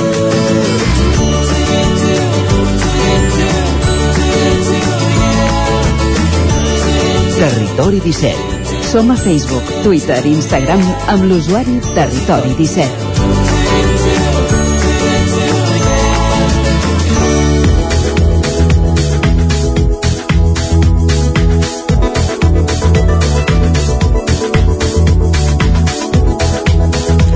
Passa mig minut d'un quart d'onze. El passat mes d'agost es va constituir l'Associació de Persones Veïnes i Amigues d'Ugassa, que va celebrar la seva primera reunió assembleària a finals de setembre i que té com a objectiu principal impulsar nous projectes i iniciatives pel poble després de consensuar-les i debatre-les entre tots els habitants. Actualment ja compten gairebé una vuita, uns 80 socis i ja han tingut alguna desavinença amb l'Ajuntament. Isaac Muntades, des de la veu de Sant Joan, bon dia. Bon dia, Isaac. Doncs sí, avui precisament tenim al telèfon el president de l'Associació de Persones Veïnes i Amigues d'Ugassa, en Carles Mercader, que ens farà 5 cèntims de què farà l'associació en els pròxims mesos i de què va passar en el darrer ple municipal, en què va haver-hi una mica de controvèrsia arran de si havia de ser presencial o, o telemàtic. Bon dia, Carles, i moltes gràcies per atendre'ns. Bon dia, gràcies a vosaltres. Primer de tot, Carles, la setmana passada va haver-hi un ple que havia de ser presencial i es va acabar fent eh, telemàtic. L'associació en principi tenia la intenció d'assistir-hi, eh, de fet hi va acabar assistint a davant de l'Ajuntament i va projectar-lo a la façana. Eh, què va passar exactament? Sí, doncs bé, nosaltres el 25 de setembre vam fer l'assemblea on un dels punts que es va votar i que va sortir per unanimitat és que l'assemblea doncs, assistís als plens. Fins aquí no hi ha cap novetat perquè qualsevol persona doncs, podria assistir-hi, no? els plens han de ser públics. El passat 27 de setembre vam fer una instància a l'Ajuntament dient que hi havia hagut aquesta assemblea i que doncs, eh, eh, es volia assistir, doncs l'associació, uns representants doncs, volien assistir als plens per allò de donar-li doncs, comunicació i que ho sapiguessin, no? Hi havia un ple preparat pel 29 de setembre que es va anul·lar, val, curiosament, i es va fer eh, aquest eh, 26 d'octubre. Llavors eh, es, va, es va publicar doncs, que es faria el ple de forma presencial val? i eh, un dia abans, a les 10 de la nit, el dilluns, doncs s'envia un toc-up a tota la població dient que no s'acceptarà públic en aquell ple. A part, mesures Covid, justament quan una setmana abans hi havien caigut les mesures Covid. Eh, llavors, bueno, igualment vam decidir que hi aniríem, val? perquè creiem que no era correcte que, que no s'hi pogués assistir en un ple, no? I llavors, 40 minuts abans, doncs vam rebre un altre toc-up dient que seria telemàtic. I eh, finalment el ple es va fer telemàtic no? Eh, clar, que, eh, creiem que o sigui, no, no anàvem res més que assistir i escoltar el ple com es podria fer en qualsevol cas, en qualsevol ple de qualsevol ajuntament. Altres municipis al voltant, Ripoll, Sant Joan, ja estan fent plens presencials. Uh, no entenem per què aquí no. Uh -huh. Més enllà d'aquest incident del ple, des de l'Ajuntament també li van respondre un escrit que va fer on es queixava que ja estava fora de context perquè havia passat la data. Com, com va anar tot plegats? Bueno, és, és això, a, a la instància del 27 de setembre, a on diem que, sisplau, ens avisin de quan es publiquen els plens, perquè els plens es van canviant de dates i a vegades, eh, quan queden tres dies per fer-lo, ho canvien i de més, doncs vam dir que ens informessin, simplement això. I rebem una resposta el 2 de novembre, dient que ens informaran en informe quan és el ple i, bueno, creiem que una resposta d'una instància del 27 de setembre al 2 de novembre, quan ja ha passat un ple, doncs, doncs no té gaire sentit, no? Vull dir, és una mica desfrada. A més a més, l'alcalde ens va dir en el ple de que no tenia coneixement d'aquesta instància, no? Uh, quan feia més d'un mes que estava enviada. L'Ajuntament, Carles, en aquest sentit, en alguns aspectes, encara considereu que és poc transparent? Home, si tenim en compte que mai s'ha enviat un toc-up per avisar d'un ple, nosaltres sí que havíem demanat de que una manera de ser transparent és enviar un toc-up, que és una aplicació que utilitza el municipi per a, comentar coses a nivell general, no? és unidireccional, el municipi informa la gent, doncs estaria utilitzar aquesta aplicació per informar. Si la primera vegada que parles d'un ple en, un, en aquesta manera de comunicar és per dir que no hi vegi ningú, home, molta transparència no dona. És a dir, eh, creiem que el, com a mínim els plens uh, i la informació que allà es dona s'ha de ser una miqueta més transparent i no intentar doncs, canviar dates, quan han sigut telemàtics a vegades no s'han posat els links, quan hem avisat de ei, no heu penjat el link, bueno, doncs jo us penjarem el vídeo de, de com s'ha fet el ple, és a dir, eh, no és molt fluid en els últims dos anys, no? Sabem que la pandèmia ha trastocat molt les coses, però aquestes coses haurien de ser una miqueta més pulcres, no? I les hauríem de cuidar, perquè és important que, que, que la transparència avui en dia en la societat del segle XXI doncs, eh, primi. No? Ara eh, criticàveu aquesta manera de fer del govern en l'àmbit de, de la transparència. De totes maneres, en aquest darrer ple el que volíeu fer, entre altres coses, era felicitar l'equip de govern per les ordenances. És així? Bueno, es anaven a aprovar ordenances fiscals i que després de que fa dos anys es va pujar a l'IBI un 100%, doncs aquest any s'aprovava una rebaixa d'un 11% i per tant creiem que era correcte i anàvem a felicitar la valentia que havia pres l'equip de govern doncs, per prendre aquesta decisió i baixar la pressió fiscal que havia sigut molt exagerada, no? Uh, per això ens sobta aquesta manera d'actuar eh, fent aqu això de, de, de dir que no hi existís públic eh, després fet tot telemàtic quan el que anaven a aprovar eren coses eh, positives, no? No anaven a, a pujar impostos sinó els anaven a baixar, no? I per tant, doncs, ens semblava bé, no?, aquesta manera de fer. De fet, la nostra, manera, la, la nostra intenció d'assistir als plens també per transmetre allò que s'està fent a l'associació. L'associació està per ajudar. I, per tant, el que volem no, no és treballar a part del consistori, sinó poder-los informar de, mira, estem treballant en això, ho estem fent d'aquesta manera, uh, inclús que puguin col·laborar. Es tracta d'intentar integrar i no de dividir. Estem massa acostumats a la societat a que hem de trobar un, un en contra, no? I poder no si trobem el comú denominador, eh, jo crec que les coses funcionen millor. Tot i que l'associació, Carles, vol aglutinar gent de tots els partits polítics, de fet, així ho, ho expliciteu, no? Uh, tu mateix o algun dels socis, no sé si teniu la intenció de crear una llista de les pròximes eleccions municipals per aportar doncs, més riquesa al debat, tenint en compte que doncs, ja sou pràcticament una vuitantena de socis, que en un poble com Ugassa doncs, és un percentatge de la població força elevat. Doncs eh, ara mateix no sé si això es farà o no es farà. Uh, el que sí que sé és que això es plantejarà en una assemblea i l'assemblea serà qui ho decidirà.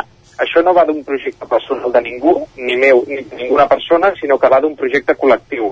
I el que vol és sumar. Igual que us comentava abans, s'han de trobar els comuns denominadors.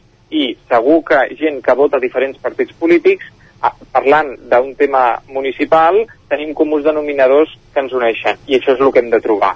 És difícil perquè ja s'ha de generar debat, s'ha de poder parlar, s'ha d'arribar a punts d'acord, però això és la riquesa. Qualsevol petita comunitat o trobem el comú denominador o l'enfrontament no ens porta lloc. I en una comunitat on hi ha uns, cent, uns 200, uh, 200 i pico persones uh, i, i, i, i més gent que ve no? de segones residències i de més, el que hem de trobar és allò que ens uneix i treballar de forma unida. I segur que no podrem aplicar 100% el que algú creu, però si no ho fem així, no serveix de res que una o tres persones decideixin per la globalitat.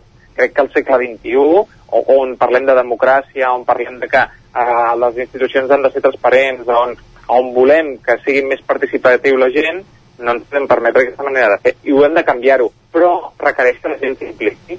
Si no hi ha implicació de la gent, si la gent només diu volem fer això però després no s'hi posa uh, pues, pues, uh, pues no anirem bé val? vull dir, això ha de ser eh, també un toc d'atenció a la gent no? de dir, ei, voleu fer coses i voleu canvis molt bé, impliqueu-vos-hi també eh? i d'aquí hem creat l'associació a l'equip de govern, què li demaneu des d'ara fins a final del mandat? Doncs el que, el que demanem que, que puguin col·laborar i que no vegin l'associació com l'oposició o com l'enemic a batre. Vale? No, no som això. Val? Eh, som un grup de gent que volem ajudar, aportar, facilitar val? i eh, donar solucions a, a problemes que tenim al municipi. Val? I solucions ben elaborades. És a dir, no dir eh, seria bé fer no sé què. No, volem portar solucions de estaria bé fer això i hi ha aquesta subvenció que hem vist al departament de no sé què i ho podríeu fer d'aquesta manera perquè sabem que els recursos d'un ajuntament tan petit són molt limitats i es poden afrontar els projectes que es poden afrontar, no es pot afrontar tot. Doncs el que volem fer és fer propostes elaborades d'inici a fi i que inclús, amb l'experiència del consistori, ens puguin dir, ostres, doncs això, per què no ho fem d'aquesta altra manera perquè així no anava bé?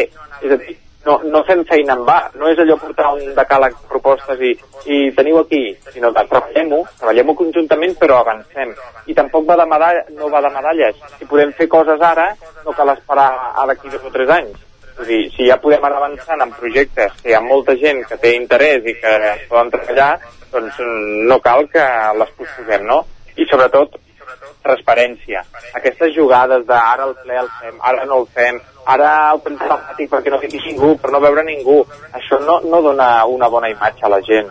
Eh, ja som adults, ja podem dir les coses eh, cara a cara, jo així ho he transmès eh, en l'últim ple ho vaig transmetre a l'alcalde i als regidors, se senten còmodes amb mi o amb qualsevol altra persona de l'associació, si tenen alguna cosa en contra, comuniquin, parlin, preguntin, perquè moltes vegades eh, tot el que es diu a Vox Populi és perquè no s'ha contrastat amb l'altra persona, no?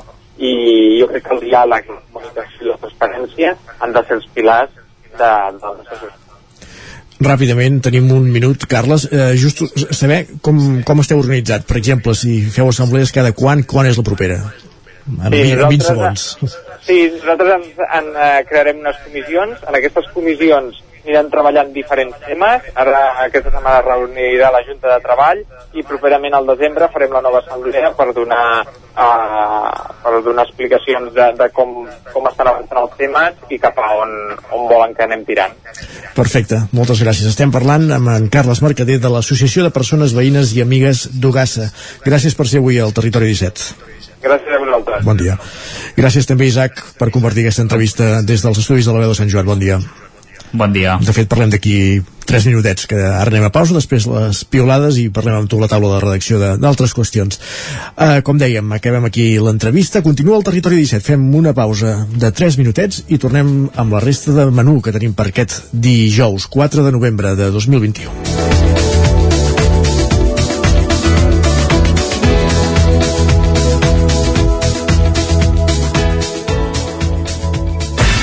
El nou FM, la ràdio de casa, al 92.8. Rètols 2A. Experts en comunicació visual. Rètols, banderoles, vinils, impressió, plaques gravades, senyalització, display... Rètols Dos Art. Ja són 25 anys al vostre servei. Ens trobareu a la carretera de Vic a Olot, número 7, al polígon Malloles de Vic. dosartvic.com Telèfon 93 889 25 88. Trobada de teatre de Centelles del 5 al 14 de novembre. Contra el progrés i la democràcia amb direcció de Jordi Arqués i Iria Roig. Cafè Teatre contra l'amor dirigit per Joan Roura. Espectacle familiar anem passant de la companyia Clown. I al nou ordre mundial li fem l'última copa de Harold Pinter amb la companyia Llanega Negra.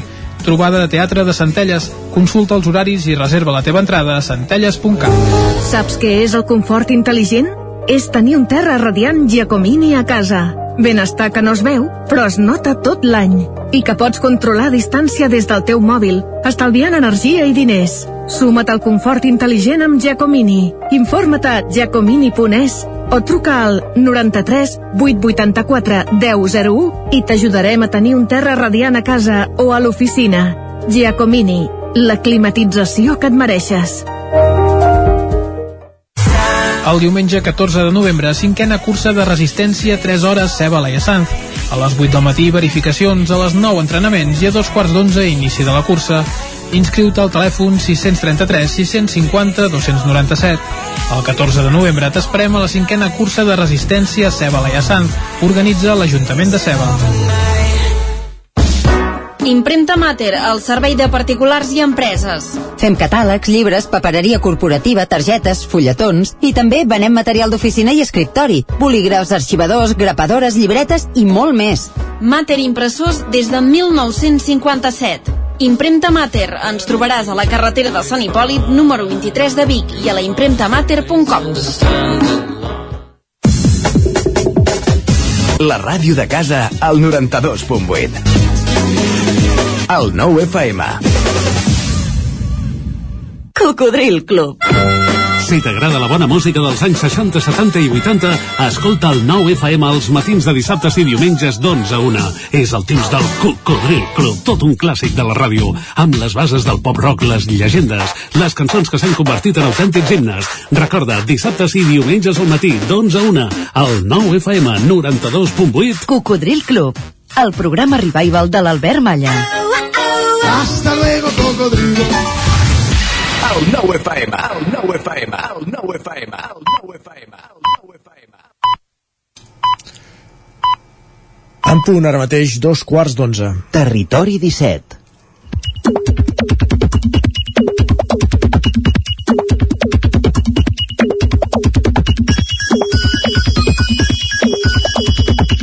I a dos quarts d'onze, qui ens acompanya cada dia a l'estudi, al costat d'en Jordi Sunyés, en Guillem Sánchez, que ens porta el més destacat que ha trobat a Twitter. Ja el tenim aquí, en Guillem. Bon dia, Guillem. Bon dia, Jordi. Bon dia, Isaac. Què tal? Ah, bon dia. La gent que no ens veu per tele no ho veu, però avui en Guillem ens porta una mascareta eh, de la plaça Major de Vic. Correcte. I vull remarcar-ho perquè té certa gràcia, Guillem, on vas tan mudat. Doncs aquesta em sembla que va ser la primera o la segona que vaig tenir en temps de pandèmia i feia molt de temps que no me la posava i de fet n'hi ha diversos models també amb eh, imatges del mercat de música viva, dels Carai. gegants, vull dir que per, per triar i remenar. Bigatanisme mascaratil. doncs va, ara que ja sabem com va de mudat avui en Guillem, ja ens pots començar a recitar les piulades que, que has seleccionat. Aviam, per on arrenquem? Doncs va, ens toca posar-nos una mica sentimentals després de conèixer ahir la mort de George Dan, un dels grans referents de la, de la música. Home, ara em faràs buscar una cançó, has dit abans, això. referents de la música, deixem-lo en referents de la patxanga. De la música d'estiu, això sí, no? Bueno, va. Això sí que m'ho compra, Jordi. Uh, sí. Doncs va, com... per bèstia grossa, va. Doncs va, com resumia en Pep, diu ha mort Georgi Dan, el rei de les cançons, que ens fan somriure i ballar com bojos, i a partir d'aquí, si busquem, hi ha 50.000 milions de, de, de tuits i de comentaris, per exemple, el d'en Marc, que diu ha mort Georgi Dan, un artista que feia cançons amb unes lletres com un discurs de Mariano Rajoy, la meitat del que diuen no té sentit i l'altra meitat, i l'altra meitat no s'entén. També hi aporta l'Albert, que diu les lletres de George Dan són com el codi de Hammurabi o les pel·lis d'indis i cowboys. S'han d'entendre en un temps i en un context cultural concret. I en Gerard li posa un exemple que diu conejo a la francesa, pechuga a l'espanyola i almejas a la inglesa. No sé si us atreviu a dir de quina cançó de George Dan eh, correspon aquesta, aquesta Home, lletra De fons estem escoltant la barbacoa, que Doncs és un altre no. clàssic, però aquesta lletra no anava a la barbacoa, però No. clar, és veritat que les lletres del Georgi Dan, passades pel sedàs del políticament correcte que impera avui, doncs algunes fan una mica de por, però escolta tu, eh, hauria d'haver-hi llibertat d'expressió i que digui el que vulgui, no? en aquest cas corresponien a la cançó de El, el Chiringuito El Chiringuito. per qui la vulgui recuperar també Jo crec que és el, el, estaria al top 3 o top 4 de més famoses del Georgi Dan, eh? Amb la barbacoa, el Chiringuito... Correcte, i l'Ester ho, ho remata dient tantes horterades cantades, tantes horterades ballades, però que bé ens ho hem passat en un moment o altre amb les seves cançons. Jo aquí també ho he de reconèixer, tothom ha, ha ballat en algun moment la barbacoa i segur que recorda aquell moment amb la música de Georgi Dan de, de fons, oi Jordi? Bé, el... Clar, dir, si l'hem ballat mai, ja et dic jo que un uh, dels avantatges que tenim és que no ho recordem. Però no entrarem en gaires més detalls. Seguim, va. Doncs va, i en qüestió de música l'Eugènia fa una aportació important, diu tots els coneguts, no amics, ho vius, són molt simpàtics quan estàs darrere de la barra de les barraques. Això també és una, és una cosa que es constata quan estàs de festa i algun amic està darrere d'alguna barra, llavors tots són amics. Sobretot si hi ha bussos i molta cua, eh, perquè et conec, pim-pam-pum. Això deu ser barraques de Girona, potser? Correcte. Però si vas a Barraques et pot passar el que ha viscut en Martí aquest matí. Em sembla que ja explicava una història de, eh, de no sonar alarmes, de dormir-se Sí, i de... tant. Doncs avui en, en, en Martín fa una segona aportació, diu examen d'estructures, he dormit 3 hores, el bus va tard i m'acabo de donar que m'he deixat la calculadora. Si surto viu, pujo a Montserrat de genolls i marxa enrere. Bon dijous. Bueno, una, una calculadora resol ara amb una aplicació al mòbil, eh? Sí, amb el mòbil ho pots arreglar de seguida. Sí, El, sí, el que no sé si li deixaran fer servir amb, amb l'examen a, En mode- en mode avió.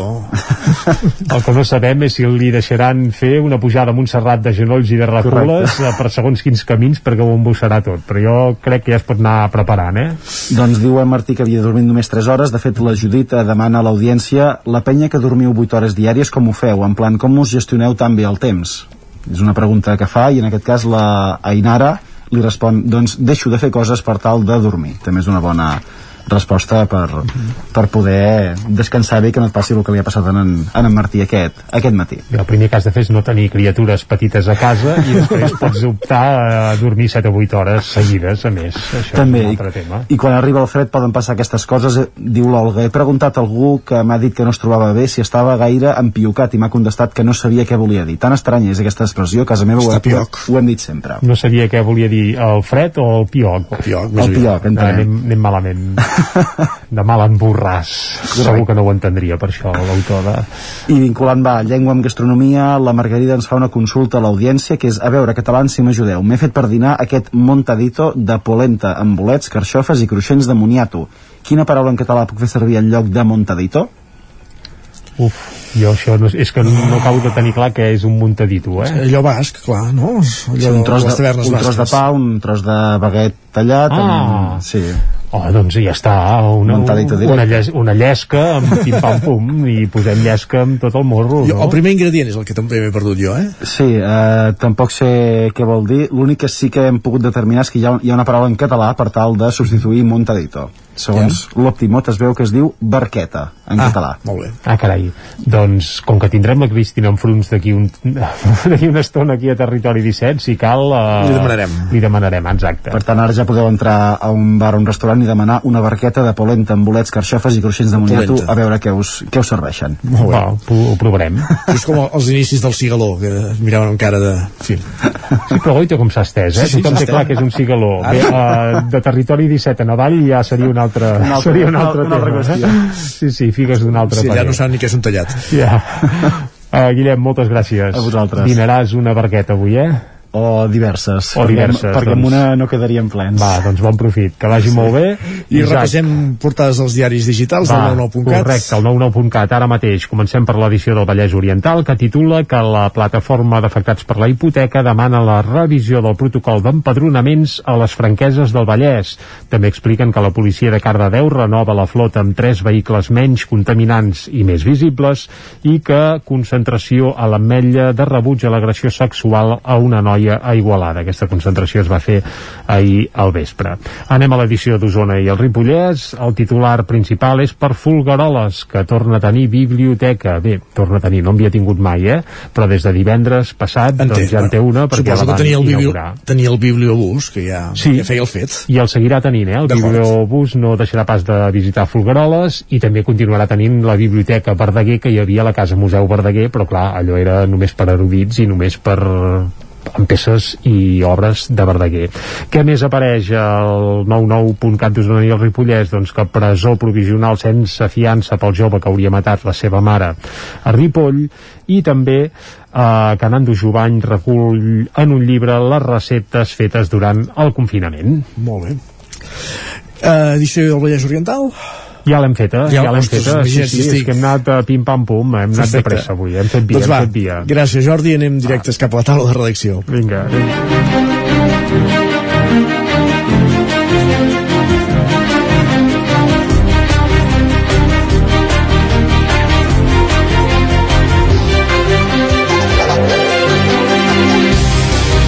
Doncs la taula de redacció ens porta avui cap al Ripollès amb l'Isaac Montades des de la veu de Sant Joan per parlar de dues qüestions. D'una banda, el que explicàvem a les notícies de les 10, aquesta intenció del BBB a tancar l'oficina que té a Sant Joan de les Abadesses i d'altra aquesta resolució judicial que coneixíem ahir de decretar presó provisional sense fiança per al jove de Ripoll acusat de matar la seva mare el passat diumenge. Isaac, bon dia de nou, per on comencem? Bon dia, Eh, per on tu vulguis, si vols et, et sembla bé podem començar per al tema de, de la presó provisional de, del jove de Ripoll, que potser segurament és el tema més, més candent eh, ara mateix. Recordem que ahir doncs, va passar a disposició judicial aquest dimecres i en principi doncs, eh, el, el jutge el que va decretar doncs, això que comentau, eh, presó provisional eh, comunicada i sense fiança per l'autor, el que se suposa que és l'autor material dels fets, presumptament, el jove de 19 anys, eh, Gerard Passamontes, que com ja sabeu doncs, hauria matat el, el diumenge al matí a la seva mare a ganivetades en un pis eh, de l'avinguda Ripollès, pràcticament al costat de la, de la C-17, i, i es, hi ha algunes coses que sorprenen perquè ell, ell va fer declaracions que també ha recollit l'Agència Catalana de Notícies però una de les coses que havia dit el Tribunal Superior de Justícia és que eh, a, a part de que la causa està oberta per un delicte d'homicidi també va assegurar que no hi constava cap antecedent judicial eh, sobre cap, eh, cap episodi entre maltractament entre la mare i el, el fill no? que el, Correcte, que sí, sí. una, una... S'havia dit des de diumenge que ha, que, que hi havia antecedents, el que no sabem aquests antecedents si havien acabat en denúncia o si havien arribat al jutjat, que suposo que és per això que, que no Exacte. consta, no? Exacte, suposem que és per això que no consten, perquè evidentment els maltractaments sí que ens ho han corroborat diversos veïns, doncs que durant els dos, tres anys que viuen el, el, la mare i el fill en aquell bloc de pisos, doncs sí que ens van constatar que hi havia hagut moltes vegades eh, baralles i que la, el fill doncs havia pagat a la mare. També s'ha dit que una vegada l'hauria amenaçat fins i tot amb una ballesta, vull dir que no eren amenaces precisament eh, suaus, eh, realment, vull dir que eh, és això el que, el que ens va sorprendre més. També ens ha sorprès una mica això que comentàvem, que, que ha explicat l'ACN de, de, del que va declarar Passamontes, que el que va fer, doncs, eh, és dir tot el contrari, que ell va ser la persona agredida. Va, ell va dir que va ser la seva mare qui va entrar a l'habitació, que va intentar doncs, apunyalar-lo i que ell senzillament doncs, es, va, es va defensar i, i s'hi va tornar, bàsicament. Això és, això és el que va dir. Uh, li va clavar doncs, uh, un, una navalla a, a l'esquena a la seva mare i, i va dir que ell el que volia era marxar a la muntanya, volia marxar uh, d'allà i que la seva mare doncs, va aconseguir desclavar-se la navalla i va anar contra, contra ell i, i que doncs, bueno, s'hauria produït uh, el moment en què li donava una puntada del peu i, i aquí és evidentment on hi ha coses que no quadren, no? que és el tema de, de que la mare, evidentment, com sabeu, doncs, eh, tenia un tall al coll i eh, l'acusat doncs, deia que s'ho havia fet ella mateixa quan clarament eh, hi va haver un veí que sembla que hauria vist a través doncs, de, de l'espiell de la porta doncs, que, que Gerard Passamontes li havia clavat el, el ganivet al, al coll, vull dir que segons també la investigació dels Mossos, eh, del que Sí, van sí. descobrir a l'escena del crim De fet, quan, quan una persona és acusada té el dret a no haver de dir la Exacte. veritat i ell suposo que s'ha acollit això amb la seva estratègia defensiva, diguéssim. Un testimoni no, un testimoni sí que està obligat a dir la veritat, quan ets l'acusat doncs tens dret a, a no dir-la, diguéssim. Exacte, ell pot, pot mentir i de fet eh, en principi no volia declarar però la que va veure que ja anava doncs, cap a la presó doncs va decidir que sí, que va explicar-ho tot i, i això bàsicament és, és el que va passar. També s'haurà de veure aviam què diu el, el noi quan, quan hi hagi el judici i això, què diu el noi que estava, que estava allà amb ell, eh, que es va quedar a dormir, que segurament devia veure alguna cosa i els veïns més propers que, que també ho van veure. Un cas que fa fredat, un cas esfraïdor que passava, com dèiem, diumenge al matí, a primera hora del matí a, a Ripoll i que va acabar, lamentablement, com dèiem, amb la mort d'aquesta dona de, de 46 anys eh, veïna de, de la localitat a mans presumptament de, del seu fill, com deies. L'altra qüestió que ens ocupa, com dèiem avui el Ripollès està d'actualitat, és el tancament, ja no anava a dir possible, però no, semblaria que és bastant definitiu, sí. de l'oficina del BBVA a Sant Joan de les Abadeses. Així, si més no ho ha comunicat eh, el banc eh, als clients, no, no sé si als clients, però si més no, sí a l'Ajuntament. Sí, sí, sí. I a Sí, clients sí. també. I aquesta... A tots dos. I aquest, I aquest tancament té data, a finals de- d'aquest mes de novembre, oi? Exacte, no, uh, 15 dies pràcticament, uh, el 21 de novembre ja té, ja té data, vull dir, no, no guanyem per males notícies al Ripollès darrerament, aquesta evidentment no és tan greu com, a, com el tema de, de l'assassinat de Ripoll, però per un poble doncs, uh, uh, doncs sí que és important, no? perquè és una oficina bancària que molta gent doncs, utilitza, que està situada uh, al passeig Comte Guifré, que això és el centre de, de Sant Joan, i evidentment molta gent uh, gran que, que, que hi va a fer gestions i molts clients doncs ara es quedaran sense aquesta oficina que ja, ja s'ha anunciat que tancarà doncs això el 21 uh, de novembre. I, i el que vol l'Ajuntament evidentment és que quan s'ha assabentat de la notícia és uh, intentar fer tot el que pugui el que pugui doncs, per evitar doncs, aquest tancament. I una manera de fer pressió és que avui mateix uh, ja recolliran uh, signatures signatures que, que es podran uh, doncs, entre la Unió de Botiguers i, i l'Ajuntament es podrà firmar tant al consistori com en, en algunes botigues de moment s'ha dit que la pastissa Salvat, Flor de Lis, Xerinola i Bar La Rodona serien alguns dels llocs on es podria uh, signar doncs, per demanar doncs, que es mantingui eh? l'alcalde va dir que tant eh, ho podia fer gent de, que fos client, gent que vi- visqués a Sant Joan i que fos client o que no ho fos, o gent que fos de fora de Sant Joan que no fos client o fos, perquè també es dona el cas que hi ha clients que són de, de fora de Sant Joan del BBVA mm. i fan servir doncs aquesta eh, aquesta oficina perquè no en tenen en el seu poble no? que podríem, clar, per exemple, dir el cas d'Ugassa no? per exemple No, perquè anava a dir, de fet, et, et poden argumentar que per proximitat pots anar a Ripoll, però esclar, l'oficina de Sant Joan no és només la de Sant Joan, sinó podríem dir ja la referència a la vall de Camprodon, per entendre'ns, tot i que hi ha oficina, de Camp, hi ha oficina de Camprodon, però i tota la resta de, de pobles de l'entorn doncs van, van perdent aquests serveis bancaris, no? Exacte, per exemple, Sant Pau de Segúries, que també queda molt a prop, doncs també, eh, clar, on, on vas, no? Vull dir, també també els hi queden eh, aquestes coses, no? I a Ripoll, evidentment, de Sant Joan també té els seus quilòmetres, no, no és allò de dos Correcte, quilòmetres, sí, sí. són, són set o vuit, vull dir que eh, déu-n'hi-do, no? Eh, I i l'alcalde eh, això ens va comentar que, que creu que és una estratègia doncs, de, de l'entitat financera de, de que, bueno, que són les seves estratègies de reduir costos, de de treure oficines presencials perquè doncs els hi suposa això i sí que va deixar anar que el que serien els treballadors i, i la territorial del BBVA no ven incongruència en el tancament, és a dir, això és una decisió que ve des de, des de dalt de tot, eh? des dels màxims mandataris, per dir-ho d'alguna manera, que de cop i volta decideixen doncs, tancar una sèrie d'oficines arreu de, de tot Catalunya.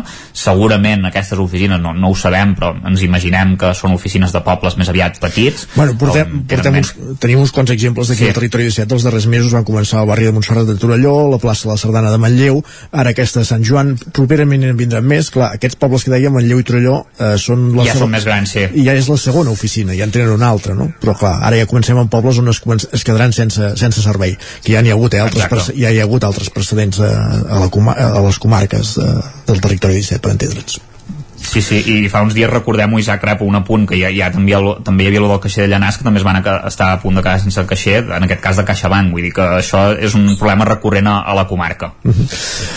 Doncs déu nhi uh, veurem com acaba tot plegat uh, aquesta oficina de, del BBVA a Sant Joan de les Abadesses doncs que semblaria que té els dies comptats els botiguers i l'Ajuntament doncs que fan mans i mànigues per, per evitar-ho. Gràcies Isaac per ser avui amb nosaltres també a la taula de redacció a vosaltres. Bon Adeu. dia. I ara sí, acabar, arribats a aquest punt, arribats a aquest punt el que farem serà fer res, 10 segons de pausa i ens n'anirem precisament a continuar parlant de serveis bancaris però ho farem des de la plaça amb la Maria López de Ràdio Televisió de Cardedeu i acompanyada de la gent d'11.cat, en aquest cas de, de la banca digital amb qui parlem cada setmana, d'economia de, digital aquí al Territori 17. Com dèiem, 10 segons de pausa i anem a la plaça. Territori 17 el 9 FM, la veu de Sant Joan, Ona Codinenca, Ràdio Cardedeu, Territori 17.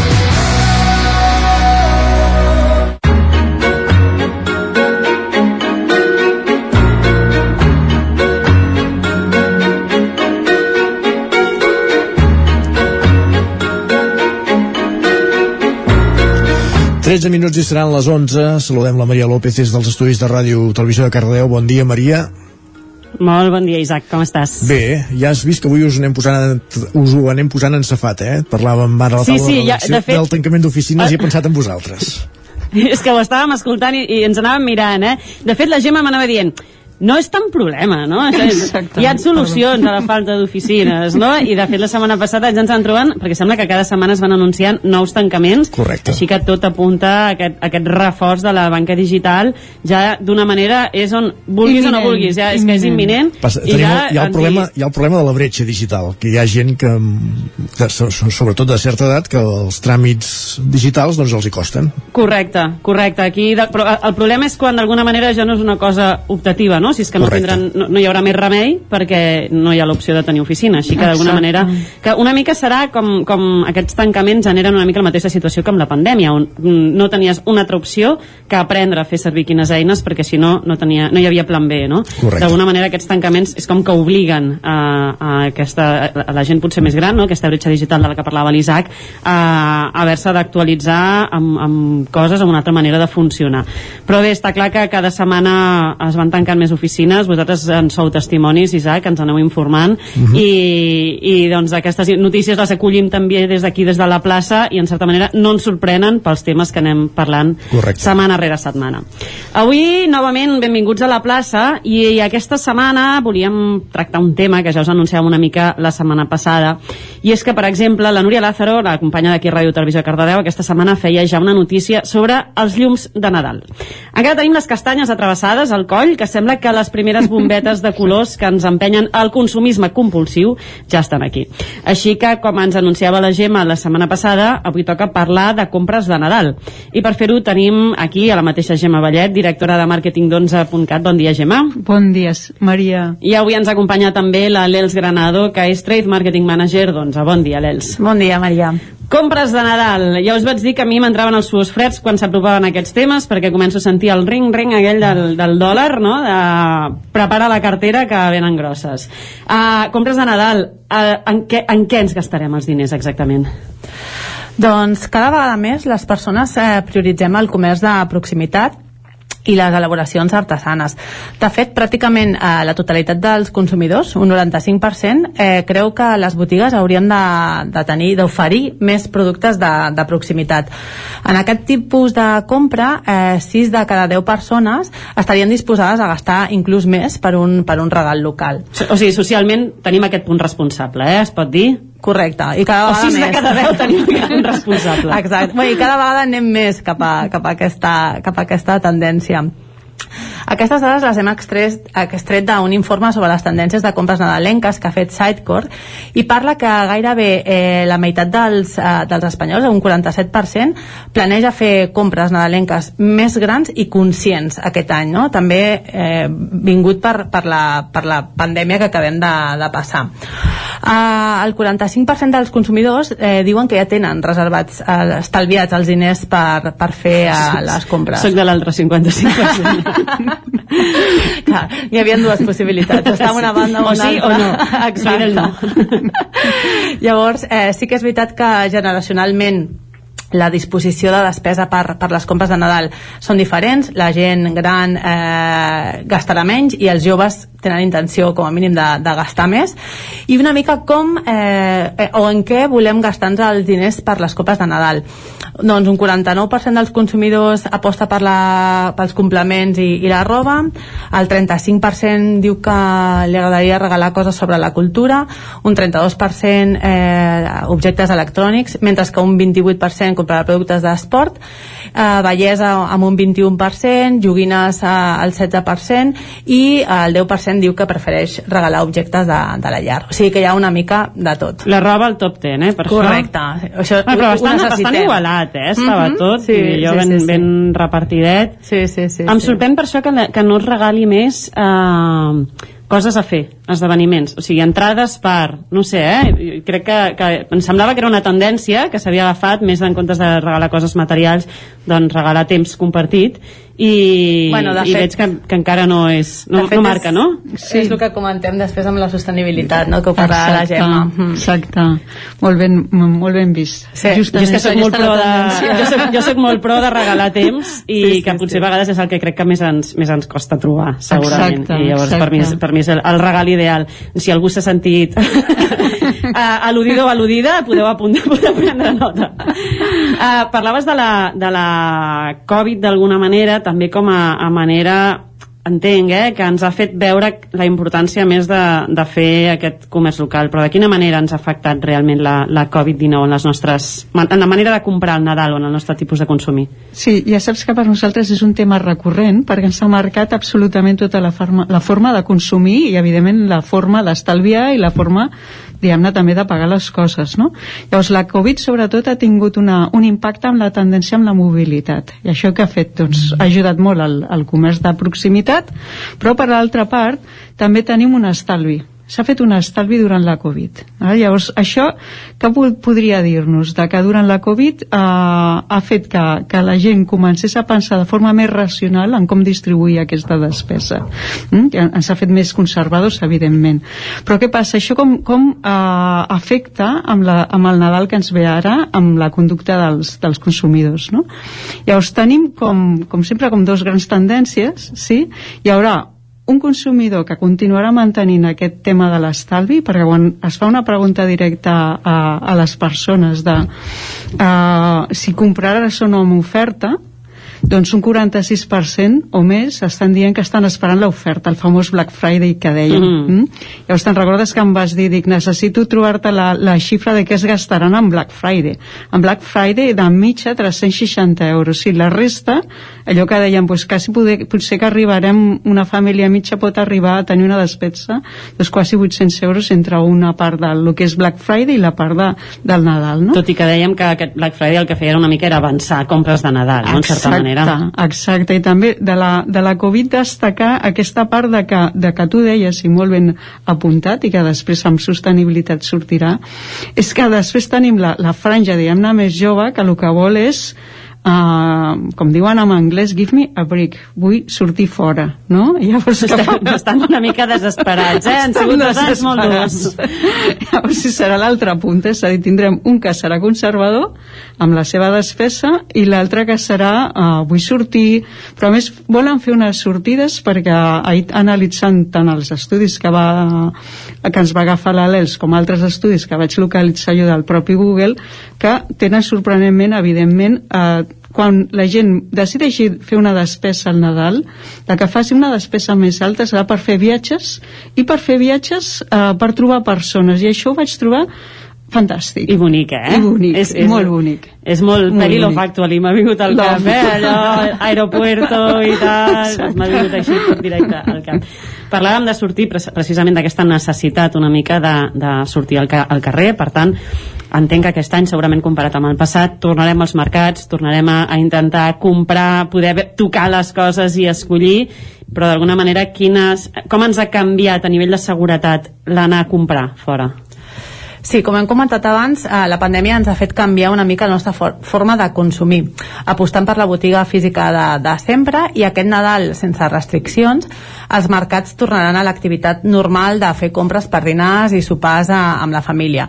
També hem canviat la nostra forma de pagament de les nostres compres. Si la tendència abans de, de la Covid ja era que cada vegada més es pagava menys eh, en efectiu, després de la pandèmia hem incrementat aquest nivell de pagaments amb targeta, sobretot la qual cosa augmenta la nostra seguretat amb els nostres diners, ja que no els podem perdre, perquè no, de la butxaca no se'ns poden caure i, eh, i tenen nom i cognoms a més eh, els podem administrar millor sabem exactament amb els nostres extractes i comptes on gastem els nostres euros a més de que contem amb la seguretat d'aquesta forma de pagament ja sigui amb targeta, amb Paypal, etc etc. o sigui, l'entitat que ens expedeix la targeta, per exemple, ens recolza en el cas de tenir qualsevol problema o qualsevol incidència i tenim un lloc on podem reclamar reclamar i que ens escoltin o perquè ens tornin els diners o perquè ens resolguin el problema i aquestes incidències o sigui que a més a més hem millorat la, aquesta seguretat, tindrem unes compres més segures.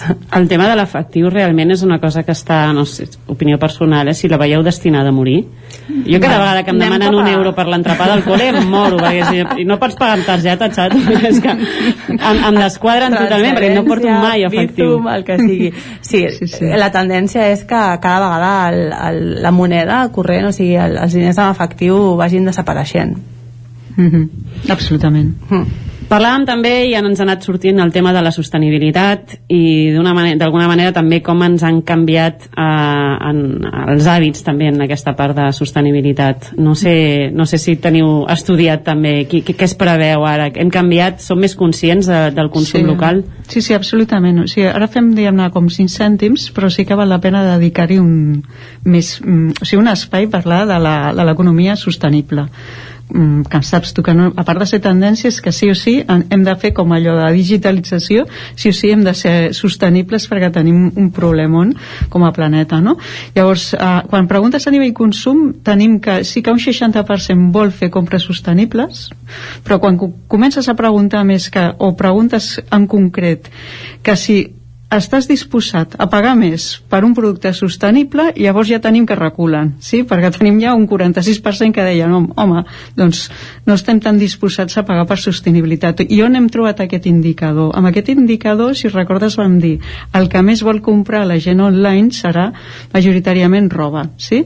Llavors, què passa? Que quan preguntes directament si estan disposats a comprar roba sostenible et baixa a, la, a menys de la meitat perquè perquè no estan disposats a fer el canvi amb el que és el pagar per la roba. Uh -huh. Llavors, tenim aquesta contradicció, però aquesta contradicció com a éssers humans sempre ens ens ha acompanyat. No? Quan tu preguntes directament a una persona ets sostenible a casa teva? I diuen, sí, sí, jo baixo cada dia i poso allò, no? el, el plàstic amb, amb sí. el pot que li toca. I a la pràctica trobem que la gent improvisa. Llavors, amb el consum ens està passant el mateix. Eh, sí que estem molt conscients, i aquesta consciència ha crescut amb la Covid, mm? sí que estem disposats a pagar per empreses que recolzen una causa social, sí? que és el tema que ara ens avançarà l'ALELS, però encara a nivell conducta ens costa arribar a ser sostenibles. Però és com tot, necessitem una miqueta més d'educació i que ens posin una miqueta som molt bastant còmodes, eh, les persones que ens posin les cosetes més fàcils per ser sostenibles. I, eh, i aquest Nadal doncs veurem també aquestes petites tendències potser a nivell, no sé si m'equivoco, eh, però sí que em dóna la sensació que potser a nivell d'alimentació la gent sí que ha agafat una mica més de consciència de consumir local. També hi ha un tema de qualitat aquí, eh, perquè moltes vegades en el producte més proper trobes allò... Clar, no és el mateix el tomàquet del pagès que el tomàquet del súper. Llavors, hi ha un punt que dius, sí, estem disposats a pagar més aquí, però no sé ben bé fins a quin punt ho fem per un tema de, de ser conscients del consum local, per un tema de qualitat ja, que, crec que aquí es, dif es difumina una mica eh, la línia aquesta, llavors sí, a sobre et poses la medalla de consum local, ja, vamos, és que ja, rodó, no? Rodó, rodó. Però jo crec que això d'alguna manera ens evidencia quan arriben aquests temes, no? Més com la roba o més com el calçat, vull dir, és més raro que et vagis... Sí, sí.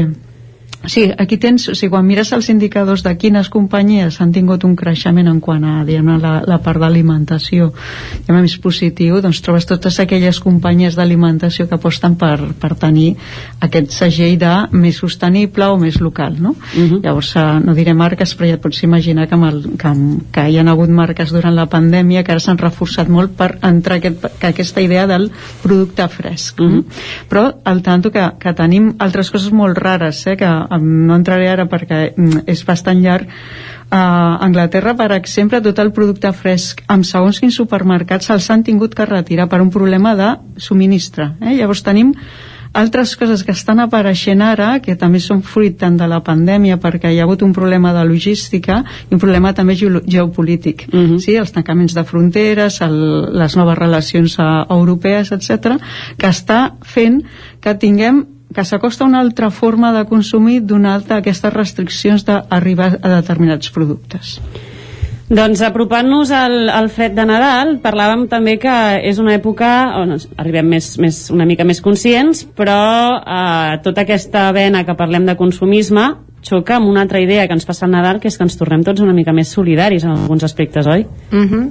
Sí, en aquestes dates eh, també la nostra part més solidària la tenim a, a flor de, de pell, no? Fem bones accions, principalment amb el nostre entorn més proper, felicitacions de Nadal, dinars i sopars amb la família, i som capaços de sensibilitzar-nos més amb la gent que ho està passant malament per una malaltia o, o econòmicament de fet, els catalans ja fa anys que fem pinya en aquest aspecte i una de les principals mostres solidàries que tenim és la Marató de TV3, que aquest any és la seva trentena edició i és un dia on tots ens posem d'acord per ajudar a qui, més, a qui més ho necessita. Encara que també hi ha molta solidaritat anònima, no? que és ajudar els nostres familiars, veïns, companys que, que ho estan passant eh, malament i, i això és una mica difícil de, de quantificar però sí que és cert que l'esperit nadalenc ens fa, ens fa ser més eh, solidaris. I una mica el que comentaves no?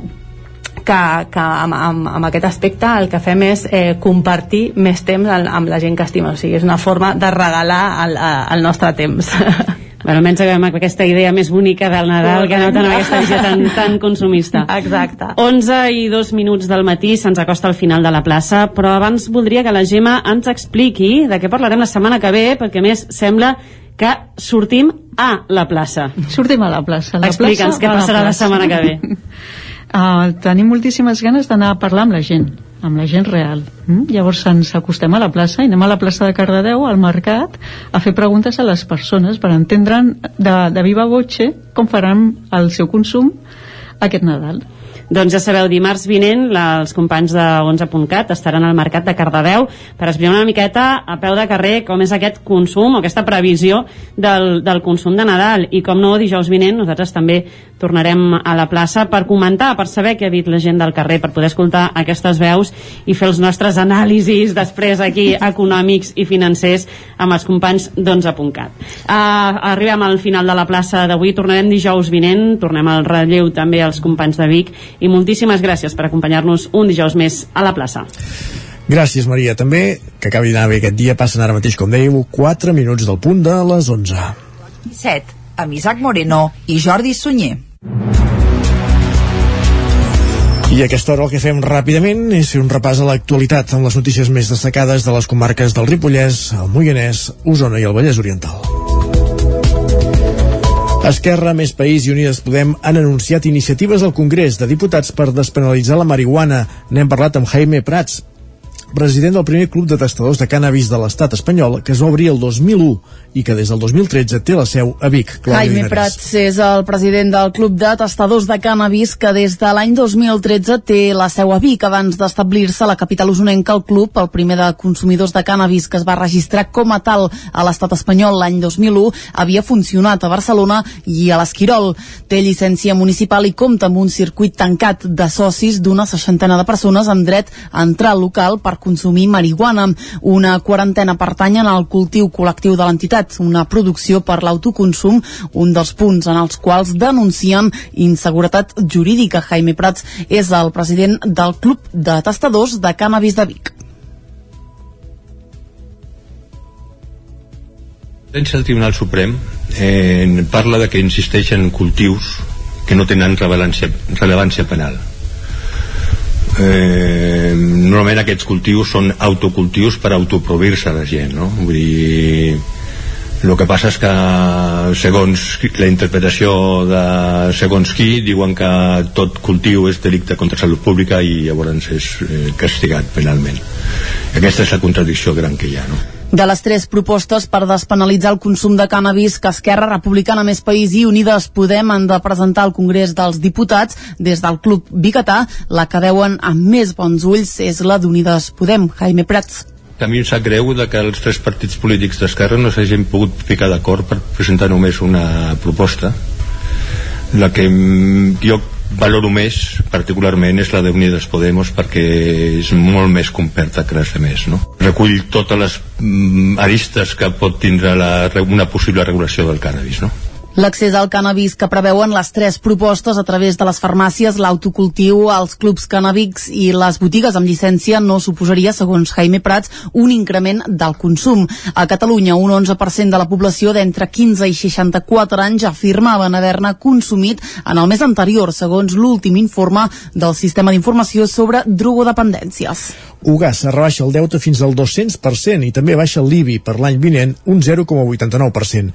Isaac Muntades, des de la veu de Sant Joan. La situació financera de l'Ajuntament d'Ugassa millora a poc a poc. Segons va explicar el secretari de la Corporació en el darrer ple, Josep Ruiz, actualment el consistori té un deute de 734.000 euros, que es correspon a un percentatge del 200% d'endeutament. Una xifra molt elevada però que dista molt del 380% que es va registrar en el seu moment. La bona notícia va plasmar-se amb l'aprovació de la modificació de les ordenances fiscals per unanimitat amb els quatre vots d'Esquerra Republicana de Catalunya i el vot favorable del regidor de Junts per Catalunya. El secretari va apuntar que l'Ajuntament es tirarà a la piscina i després de fer números tot i anar molt justos rebaixant el gravamen de l'IBI fins al 0,89 a partir del 2022. Amb això compten no tenir problemes de tresoreria i liquiditat per poder pagar el dia. L'alcalde republicà, Josep Trems, va explicar que els hagués agradat baixar-lo encara més. La nostra intenció, l'horitzó, era poder-lo baixar a un 0,85. Per al 2020 encara el teníem a l'1 i, de fet, sí que des d'intervenció i secretaria doncs, eh, se'ns ha dit que el més prudent hauria ser per l'any vinent baixar-lo al 0,95 i de cara a l'altre any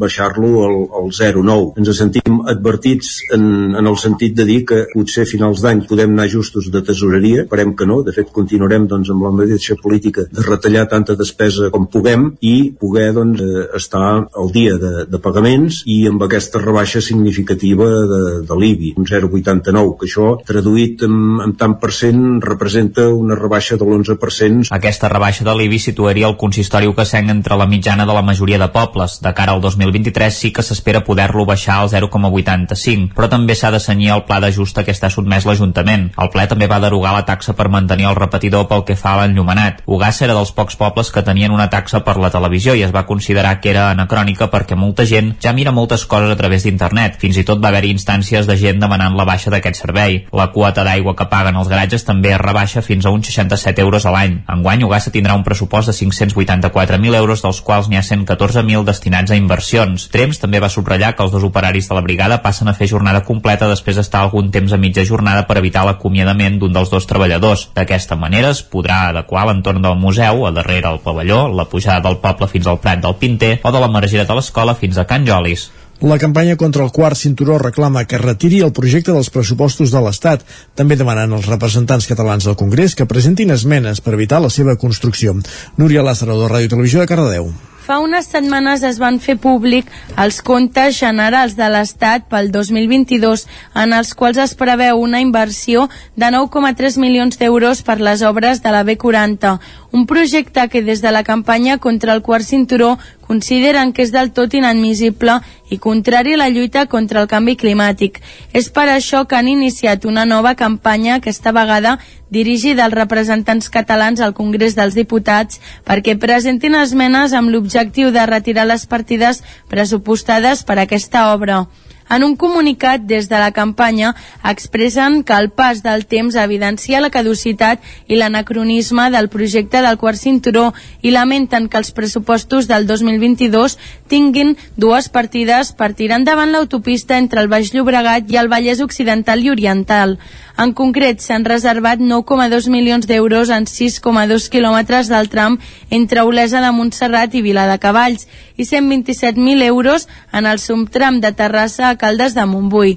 Des del grup contrari al quart cinturó manifesten que mentre el Vallès no disposi d'una xarxa potent de transport col·lectiu competitiva i les mercaderies de llarg recorregut no viatgin en tren al llarg del corredor mediterrani, no té sentit desviar ni un cèntim d'euro a d'altres partides menys prioritàries o contraproduents. Salut alerta de quatre casos positius de triquinosi en porcs senglars procedents de Vigues i Riells del FAI. Caral Campàs, des d'Ona Codinenca. El dia 28 de setembre de 2021, Salut va rebre la notificació de quatre casos positius de triquinosi procedents de porcs senglars abatuts al municipi. Aquesta setmana ho ha comunicat a l'Ajuntament de Vigues i Riells del FAI, qui ho ha fet públic a la població. Atès que l'existència d'animals infestats suposa un risc de transmissió de la triquinosi a les persones, s'ha d'evitar el consum de carn no controlada sanitàriament. Joan Galiano, alcalde, detalla les accions que es duran a terme des del consistori. Que fem des de l'Ajuntament és pues, eh, posar primer de tot en coneixement dels establiments, de les associacions de caçadors, eh, el fet, més que res perquè ja saps que amb aquestes coses moltes vegades, i que si es fan el traspàs de car, o mira que he caçat això i tal dono, i coses d'aquestes, doncs que no, que no avanci, que no es distribueixi i sobretot que no es faci, es faci servir per consum humà. Des de Salut recorden que restaurants i comerços han de poder acreditar la procedència de la carn de caça silvestre que comercialitzen. I és que a Catalunya no està autoritzada la comercialització de carn de caça procedent dels caçadors directament a restauradors ni altres establiments alimentaris. Pel que fa a la carn de senglar destinada a l'autoconsum per part dels propis caçadors, s'ha de sotmetre a un control analític previ per tal d'assegurar l'absència de triquines. Segons Salut, els veterinaris o centres que realitzin les determinacions hauran d'emetre'n un certificat. La matinada de dissabte i diumenge es va fer el canvi a l'horari d'hivern. Això ha reobert dos debats. El de si té sentit o no continuar avançant i endarrerint el rellotge i el de la reforma horària, un compromís que la Generalitat manté pel 2025, tot i que en els últims anys no s'han fet passos prou decidits. Sí que ho han fet, però, a la Bacallaneria Creus de Vic, on des de fa uns dies han avançat l'horari de tancament. Un cartell a l'entrada de la Bacallaneria Creus Creus anuncia des de fa dies un canvi d'horari important a l'establiment. El matrimoni que regenta el negoci, la Cristina i en Gerard, han decidit avançar l'hora de plegar. Des que van obrir la botiga el desembre del 2010 sempre havien tancat a les 8 del vespre. Ara, però, ho fan a les 7. Expliquen que tancar, en el seu cas, no significa marxar a casa, ja que quan abaixen la persiana encara hi ha molta feina a fer, ho explica Gerard Creus diem una hora, però a l'obrador hi són molt més abans, sí. però bueno, ara fem referència a lo que seria atendre al públic, no? I clar, i també quan acabem el vespre, en aquest cas ara fins ara havíem fet les 8, sortíem a les 9, perquè és netejar, endreçar, etc. Sí. I sempre ho has pensat, com pots conciliar millor la jornada laboral amb la família, etc.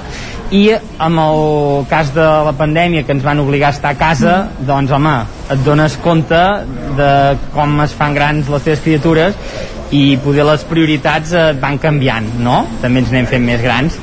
Quan van prendre la decisió d'avançar l'hora de tancament van iniciar una campanya a les xarxes socials i a la pàgina web per informar a la clientela que asseguren s'ha adaptat ràpidament al nou horari. Cristina Beck. S'ha de dir que la gent que t'aprecia i que et valora el producte, si li agrada, fa els possibles per conèixer el teu horari i sap en quin moment es pot escapar, no? Satisfets amb el canvi, la Cristina i en Gerard esperen que amb el temps el comerç local, sobretot l'especialitzat, avanci d'una forma decidida cap a la reforma horària. A Vic aquest meló el va obrir fa 3 anys la xarcuteria Solà, la primera botiga que va avançar l'horari de tancament. Vuit anys després d'irrompre al mercat amb les seves ulleres de disseny fetes en fusta, l'empresa bigatana Budis ja treballa per fer el salt als Estats Units de cara l'any que ve.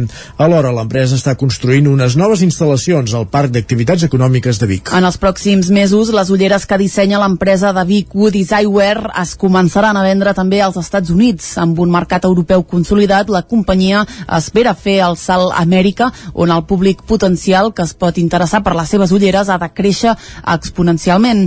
Esperen tancar l'any 2021 amb una facturació de 12 milions d'euros, més del doble que l'any passat. Ho explica Josep Dosta, de Budis Eyewear i el fet d'obrir Estats Units necessitàvem una empresa que estigués una mica més forta, més capitalitzada per anar eh, en el mercat, diguéssim, de manera forta i, i fer-ho ben fet. Vale? Després la idea és obrir-ho a partir del setembre de l'any que ve i per què? Bàsicament perquè és un mercat molt gran, és un mercat que li agrada també la ullera diferent de disseny, eh, aprecien la qualitat, inclús les ulleres ja són un, més cares que aquí a Europa i bueno, una mica és un gran mercat també per, per, per explotar. Encara estan treballant en la ubicació definitiva de la filial, una decisió que coincideix també amb la de construir una nova seu de l'empresa al Parc d'Activitats Econòmiques de Vic. Josep Dosta. Ens mourem allà al costat de Fustes Esteve i allà muntarem un nou centre logístic que seran 2.000 metres de, de tema de per gestionar els envios, paquets, una mica tot i després 1.000 metres d'oficina on tindrà cabuda tot el disseny, l'atenció al client una mica tota la gestió de l'empresa. Intentar-ho fer tot des d'aquí Vic el que va començar com una aposta per dissenyar i fabricar ulleres de fusta l'any 2013 ha anat evolucionant cap a les ulleres de disseny amb altres materials més convencionals aprofitant el forat del mercat que es van fer en un primer moment. La seva aposta els ha permès arribar a llocs inimaginables. Venem molt des de França, Alemanya, Itàlia, Holanda, Bèlgica, inclús tenim clients, eh, tenim un client que és un barco, que és una òptica que va per Groenlàndia i va als pobles petits dels esquimals. I hi ha llocs que és al·lucines d'on pots arribar a vendre. L'estratègia de Budis es va centrar d'entrada en vendre les òptiques independents i apostar així pel comerç més local, però de tot el món. Gràcies, Clàudia. Arribem a aquest punt, acabem aquest repàs informatiu que començava a les 11 i pocs minuts, passa ara mateix un minut i mig d'un quart de 12. Continuem al territori 17, tot seguit parlant de llengua amb la Cristina Enfruns, amb la secció dedicada a les paraules.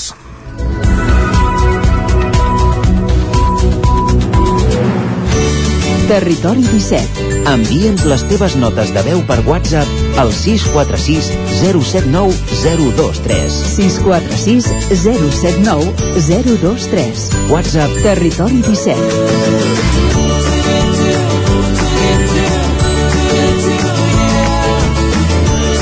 Territori 17. Som a Facebook, Twitter i Instagram amb l'usuari Territori 17.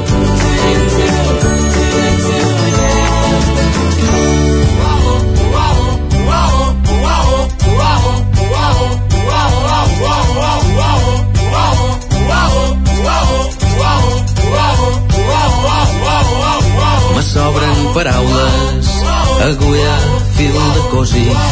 Doncs de paraules parlem cada 15 dies al Territori 17 amb la Cristina Enfruns. Bon dia, Cristina. Bon dia. Avui, eh, a la secció de les privades, en Guillem Sánchez ens llançava un tuit, ens plantejava un tuit que algú demanava com s'hauria de dir Montadito en català. I clar, li hem dit, home, avui és ideal per fer aquesta pregunta perquè d'aquí una estona ens visitarà la Cristina i li demanarem. Però ja sabeu que moltes vegades no us soluciono els problemes, eh, per això. Bueno, però En aquest ens hi cas- aportes una visió.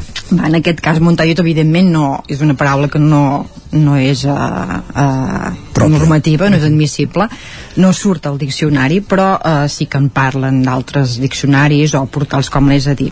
Alguns equivalents que, que hi podrien haver de, del Montadito aquest, el que proposa el Termcat, que potser costa bastant de, que puguem usar, és barqueta. Sí. O sigui, una barqueta de no sé de, no sé de què és, per exemple d'anxoves o una barqueta de pernil mm, no sé si s'acabarà imposant aquest, aquest, aquesta Molt opció eh? no, eh? no sé per què. Uh, algun altre, per exemple, podem parlar de canapès amb la meva oberta, però sí que els canapès és més un, un, quan, eh, quan hi ha, per exemple, en pa de motllo, eh? doncs llavors sí, sí que eh, eh, l'identifiquem més amb un canapè, però en els altres casos potser no tant. Altres eh, variants, una tapa, aquesta sí que la podem fer servir, mm, i segons el context, no? però, però aquesta sí que la podríem fer servir, o el pinxo, És el que anava a dir, el pinxo de si vol dir això també. és un manlleu del basc, però que no és no sortirà dic- no surt al diccionari, eh? no és normatiu, però sí que cada vegada està més acceptat. Això sí, escrivint-lo amb NTX, eh? No pinxo amb, amb CH en castellà, sinó amb- d'aquesta manera. De fet- Serien les possibilitats que podríem trobar. De fet, tenint en compte l'exemple que hem posat, que és el que trobaves a les tavernes basques, el lògic seria potser adoptar Parlar aquest manlleu de del pinxo, no? Sí, sí, però que sapiguem, eh, que és una paraula no normativa. Correcte. Però bé, teniu totes aquestes opcions. Ara, la potser més feble, que no sé si acabarà eh, imposant-se, serà aquesta barqueta, eh, que, bé, és una possibilitat opció. També. Mhm. Home, de fet, tenint en compte que les llesques més grosses a vegades també en dien espardenyes, bueno, en fi, Sí, no sé. aquest, potser es podria fer aquesta forma de barqueta, eh? potser d'aquí ve aquesta opció. Molt bé, avui no estàvem aquí prou per parlar de pinxos, ni de barquetes, ni de montaditos, sinó que ens portaves una, alguna altra paraula. Bé, no, avui no us portava una paraula, sinó que ja sabeu que a mi m'agraden les frases fetes i recuperar tots aquests refranys i aquestes tant. coses. I us volia parlar d'una iniciativa que s'ha portat a terme, que ha portat a terme, vaja, el diari Ara, juntament amb la Generalitat, que es diu una campanya, o un, un concurs més ben dit, que es diu Remot. Eh? Sí. I es tracta d'això, de mm, trobar el, eh, la frase feta que ens podria inspirar més eh, bé, que poder-la recuperar i que els mitjans de comunicació que són no se cuiden gaire de, de, de fer servir mots com aquest, aquestes frases fetes o aquests refranys doncs que eh, tinguessin la intenció aquesta de, de fer-los servir eh, en, el, en els seus escrits. I per això aquesta campanya que ha, que ha portat a terme l'ara ja s'ha acabat, es va acabar aquest octubre i mm, en van sortir mm, mitjançant un jurat que estava format per gent prou experta eh, doncs bé, van arribar a, a, a, a, a triar 10 frases fetes o 10 refranys que es podrien imposar o que, si més no, eh, incentivar a fer-los eh, que s'usin en els mitjans. I bé, doncs van treure 10, en van a, a triar 10 d'un total de més de 1.200. Eh? Imagineu-vos si hi ha frases fetes i refranys per fer servir. Eh, en van treure 10 i els lectors aquest octubre s'han cuidat de triar la que més... Bé, la que més vots ha tingut, uh -huh. la guanyadora, per dir-ho d'alguna manera, que ha estat una que segur bé, l'heu sentit moltes vegades i que és aquesta que diu el més calent és a l'aigüera sí. eh, aquesta és la guanyadora Recordo que aquesta va fer fortuna una vegada que en Joan Tardà a la tribuna del Congreso va intentar traduir-la al castellà no se'n va acabar sortint Però és que un- una de les uh, característiques que tenia aquest concurs és, és, és, era aquesta, eh? que fossin uh, frases fetes que no es poguessin traduir fàcilment al castellà. Eh? doncs per això potser també aquesta ha estat la guanyadora. Eh? Mm, com sabeu, el més calent és l'aigüera, és a dir, uh, una cosa que encara està per fer, eh? quan tot està per fer doncs eh, eh, farem servir aquesta expressió el més calent és l'aigüera N'hi ha moltes més, eh? Per exemple, en segona posició, la que hi va quedar va ser aquesta que diu qui té el cul llogat no seu quan vol, Mm -hmm. Que també està bé, no? Sí. Eh? Quan no, hi ha, algú no és amo d'ell mateix, doncs farem servir aquesta expressió. Uh, tercera, no tocar ni quarts ni hores. Això ens passa moltes vegades, eh? Algú- Correcte, al llarg del dia. moltes vegades i volem fer masses coses aquesta també es fa servir molt tal faràs, tal trobaràs eh? Mm, si tu fas una cosa malament al final eh, et castigaran potser. Exacte, l'efecte boomerang. Vol i dol aquesta. És a dir que mm, quan una, si vols una cosa alhora et fa por doncs mm, o sigui, vols però, però dols a Cal Sabater, sabates de paper aquesta també és molt explícita del, del que pot passar és a dir, normalment si tu estàs molt d'allò eh, aquesta cosa acostuma a faltar eh, a casa teva si tens massa em ve al cap la, la traducció al castellà però no, no, no, la gràcia precisament és no, no dir-la, no? Sí, sí, sí, aquesta era una de les característiques, però bé, eh, això no vol dir que no hi sigui en castellà, Exacte. eh, però a vegades sí, eh, que ens costa molt, eh, que et demanen moltes vegades, eh, i aquesta com la traduiries? I no, no, normalment no té la traducció, no és una traducció literal, Literal. sinó que hem de mirar a veure quina és l'opció. Molt bé. Bé, n'hi ha d'altres, eh? Fer la gara-gara, tallar el bacallà, ficar-se de peus a la galleda, o totes les masses piquen. Aquestes serien les, les 10 que van guanyar, però fixeu-vos, eh, que podem fer servir perquè eh, si vosaltres us mireu, podeu entrar al portal o al web de l'Ara i veureu com mm, fins a 1.200 opcions podeu anar triant les frases fetes tots en tenim alguna que ens agrada més que d'altres eh? no sé, a mi també eh, la que potser m'agrada més Sí. és la que diu a poc a poc i bona lletra eh? Correcte. ja que m'arrebrem paraules doncs a poc a poc i bona lletra seria una de les meves Preferides. eh, preferides bé, bé. era per, eh, per fer una mica de de pressió als mitjans de comunicació doncs, que puguin fer servir aquest això. tipus de coses fetes recordem la guanyadora? La guanyadora és eh, la que deia el més calent és a l'aigüera. molt bé, i ara anem a la cançó, eh? Vinga. Pagaria? la cançó que avui és d'un artista prou conegut a Catalunya i que sona així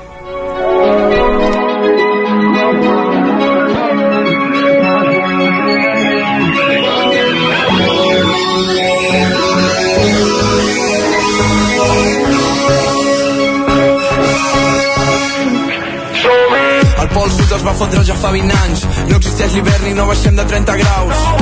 Hem perdut aquesta gran batalla Almenys l'únic bosc que té arrasat ja tiene playa. La realitat virtual se'ns va anar de les mans. La gent torna a la vida real quan vol desconnectar. De vacances a la lluna quan arriba l'agost Han posat tres hotels cada un amb un camp de golf. Han prohibit festes, han prohibit bromes. Acabo de veure un gos passejant a una persona. Ja no tinc finestres, és una pantalla. És Lil Dami, aquest noi que escoltem i què hem de dir d'aquesta lletra? Bé, us l'he portat primer de tot perquè no és per fer propaganda, però la setmana que ve el tindrem aquí a Vic, doncs tant per tant, Ah, eh, comencem-lo a introduir ja.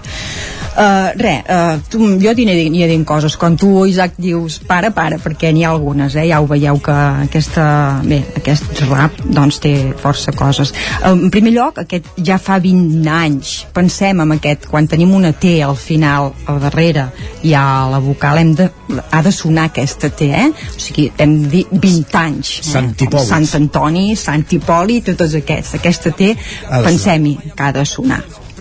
Uh, i mm, quan per exemple diu acabo de veure un gos passejant a una persona és un verb transitiu passejant i per tant no ha de, propar- no ha de portar la preposició passejant una persona i sobretot m'agradaria remarcar aquest on medim les coses d'aquí a l'infinit pensem en aquest verb medir en català no existeix, eh? Hem de mesurar, hem de mirar la mida, mirar la mida, però medir com a verb no, no el podem fer servir. Hi ha algunes altres, eh? Però bé, ho deixem aquí. En parlarem un altre dia, en tot cas. Perfecte. Gràcies, Cristina. A vosaltres. Acabem aquesta secció dedicada, com cada setmana, a les paraules o, o les frases fetes amb la Cristina en Fruns. Tot seguit, una pausa de 3 minuts i més continguts al Territori 17. Passem per la R3 i anem al cine. El nou FM, la ràdio de casa, al 92.8. A Corretja tenim tot el que necessites per la teva llar. Tot tipus de paviments i revestiments, sistemes d'aïllament, cobertes, parquets, aixetes, ferreteria, pintures, fixació i cargoleria, vestuari i material de seguretat. Disposem de més de 3.500 metres quadrats d'exposició amb una nova zona exterior d'aïllaments. A Corretja som especialistes en cuines i banys. Us assessorem, dissenyem i realitzem el projecte des de l'inici fins a la fi del muntatge. 100% cuines, 100% banys. Al carrer Mas Vigues 8 de Vic, a corretja-sl.com o a Instagram. 100% materials per la construcció i la decoració. 100% corretja. A la llibreria Mater hi trobaràs material escolar i d'escriptori, llibres, revistes i el millor regal. T'esperem amb una gran varietat de novel·les, llibres d'assaig, poesia, contes i moltes novetats editorials. I per anar ben equipat a l'escola tenim motxilles, estoig, carpetes, llibretes, bolígrafs i molt més. Recorda que amb la targeta client tens descomptes. Mater, llibreters amb vocació des de 1957. Llibreria Mater.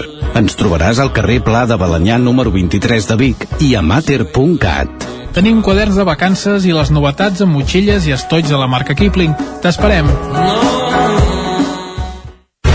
El racó de León. Gaudeix de la nostra terrassa. Vine a tastar les xuletilles de lechal a la brasa amb una bona amanida o el xuletón de vedella gallega. No et pots perdre el nostre lechado de Castilla al forn o el cochinillo a l'estil de Segovia. Tot acompanyat del millor celler, al menjador o fora la terrassa. Descobreix la millor cuina de lleó sense moure't de casa. Vine amb la família, els amics, la parella o sol. T'encantarà. El racó de León, cuina tradicional lleonesa i de mercat. Som al carrer Torelló número 35 de Vic. Per reserves, telèfon 93 889 1950. El racó de León, una cuina diferent. Som especialistes en cargols a la llauna. Vine a tastar-los al racó de León. Saps què és el confort intel·ligent? És tenir un terra radiant Giacomini a casa. Benestar que no es veu, però es nota tot l'any. I que pots controlar a distància des del teu mòbil, estalviant energia i diners. Suma't al confort intel·ligent amb Giacomini. Informa't a giacomini.es o truca al 93 884 1001 i t'ajudarem a tenir un terra radiant a casa o a l'oficina. Giacomini, la climatització que et mereixes. Trobada de teatre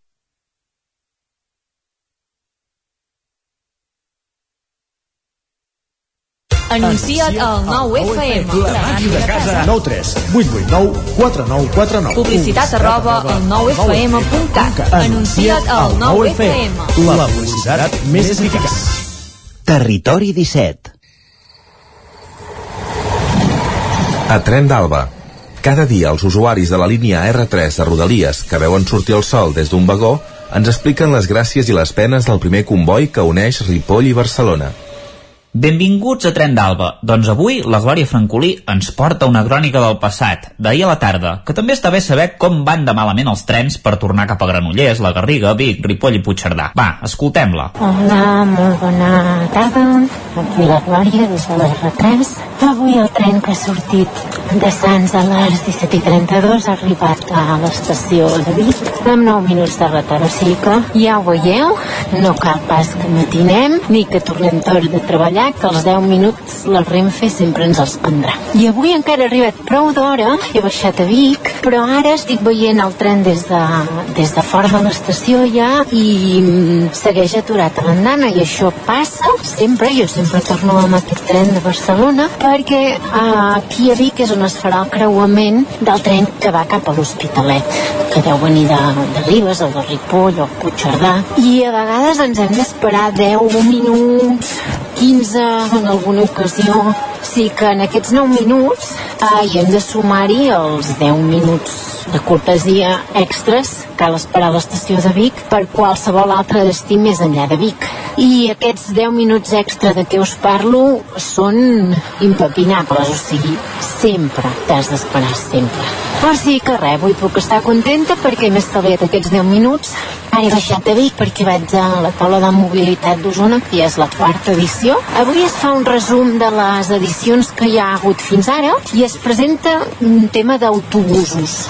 No us sé dir massa què, què és el que anem a veure. La taula ja ha començat fa una estona, jo vaig tardíssim, però això dels autobusos he pensat que podria ser interessant i he cregut convenient fer l'esforç de parar-me i escoltar, ni que fos l'última part, perquè les primeres en realitat són resums de les altres taules que s'han fet fins ara. A veure què, què tal, què expliquen i què tal va. Si puc demà us faré un petit resum. D'acord? Vinga, que acabeu de passar un bon dia. Aquí la glòria des del passat. Adeu. Això de la taula de mobilitat d'Osona està molt bé. Espero que això dels autobusos no t'agradés massa i no ens deixis per anar sempre amb autobús cap a la feina. Però és que amb l'alternativa tan nefasta dels serveis de tren encara ho entendria. Va, ens retrobem demà amb més històries del tren i de l'R3. Territori, Territori 17. 17. Territori 17.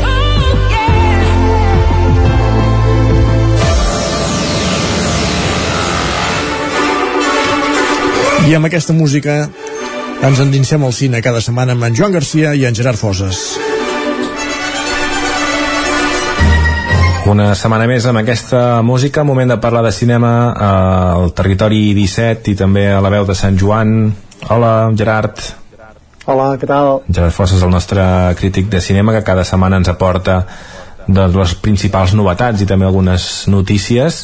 Com ho tenim aquesta setmana? Va bé la cosa o no?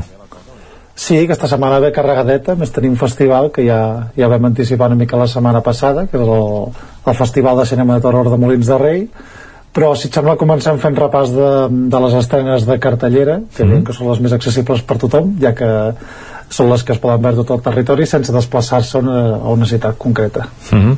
I la primera doncs, és un, allò, un blockbuster.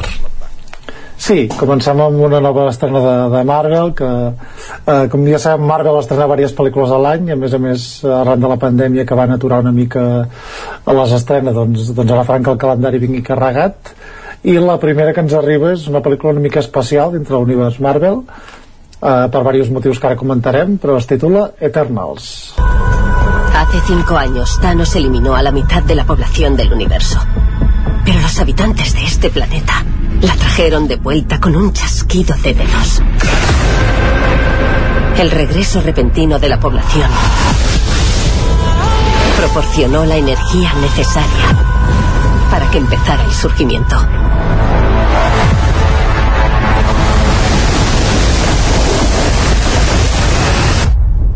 ¿Cuánto tiempo tenemos?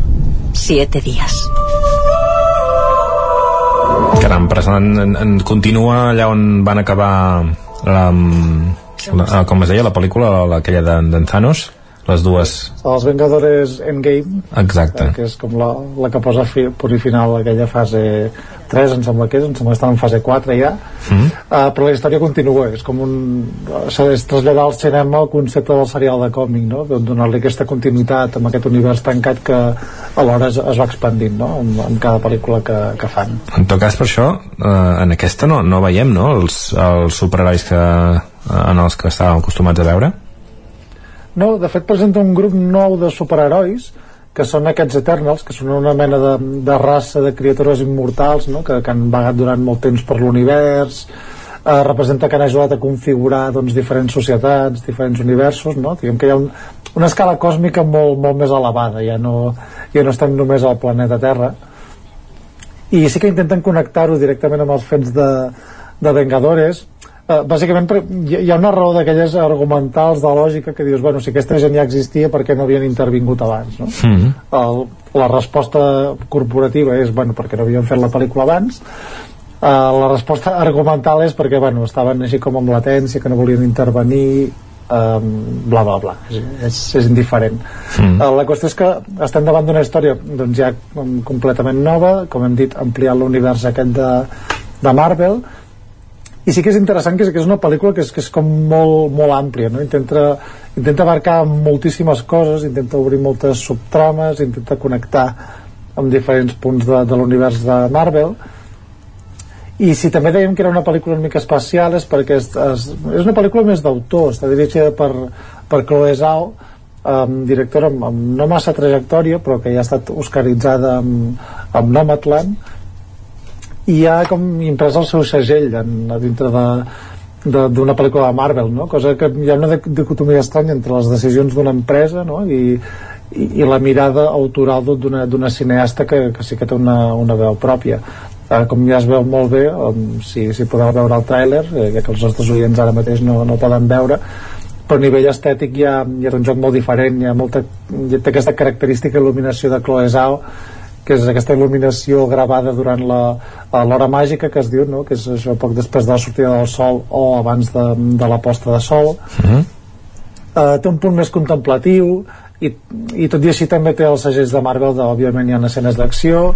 uh, òbviament hi ha, hi ha comèdia sentit de l'humor um, però sí que és més una, una pel·lícula més tranquil·la més contemplativa, més de personatges um, i és interessant que, doncs, que li hagin donat aquesta llibertat doncs, per buscar una mica aquesta ampliació de l'univers recorda una mica el que van fer James Gunn amb Guardianes de la Galàxia que també era un grup nou de superherois amb els quals no és que anessin a confiar especialment per això van donar llibertat a, a l'autor perquè fes el que volgués i allà van triomfar no? doncs mm. han fet una mica eh, el fet de seguir aquesta línia i a més a més com que tenen un repartiment molt potent no? hi ha Angelina Jolie al capdavant també hi ha Selma Hayek um, tenim personatges rescatats de, de Joc de Trons no? com Richard Madden, Kit Harrington no? que és el, mm. el Jon Snow uh, entre molts d'altres personatges mm i en Richard Madden crec que era el seu germanastre, no? Sí, exacte, era el, ara no recordo com es deia però, bueno, però sí, eh, era també un Stark. de, dels Stark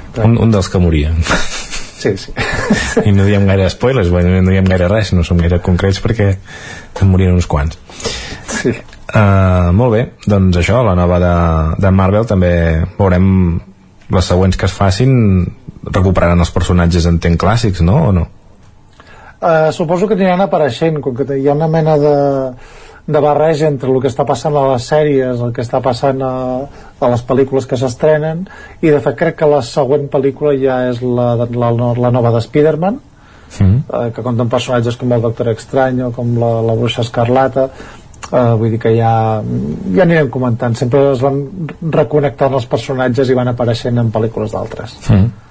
Jo quan acabo de veure una pel·lícula de Marvel el que faig és, és agafar internet i començar a mirar informació i clar, és que els còmics ens porten tants i tants i tants anys que, que trobes això eh, línies argumentals, explicacions dels personatges eh, canvis respecte a les pel·lícules i és, vaja, és, un, és una, altra, una altra experiència, no?, més enllà de la pantalla Sí, sí, realment, i el que han aconseguit Marvel, que és que a nivell corporatiu facin tantes pel·lícules que funcionin tan bé durant tant de temps eh, és gairebé miraculós t'agradi més o menys sí que és veritat que és un, una institució molt important ara mateix dintre del, del cinema actual independentment ja de qualitats i costos mhm. -huh. aquesta pel·lícula es pot veure a Vic al Sucre i també a Granollers a, a l'Ocine i la següent n'hem parlat però aquesta no es pot veure enlloc eh, d'aquest territori no, de moment no, no sé si començarà a córrer més endavant o començarà a passar per, per sessions de cineclub o, amb cinemes més petits.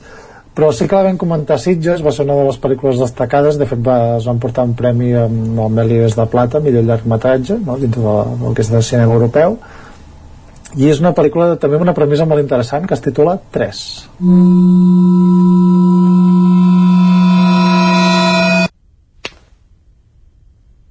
Veo que tenías visita el mes pasado, pero te la saltaste, ¿no? No has vuelto a tener ningún episodio. he tenido un episodio, pero diferente.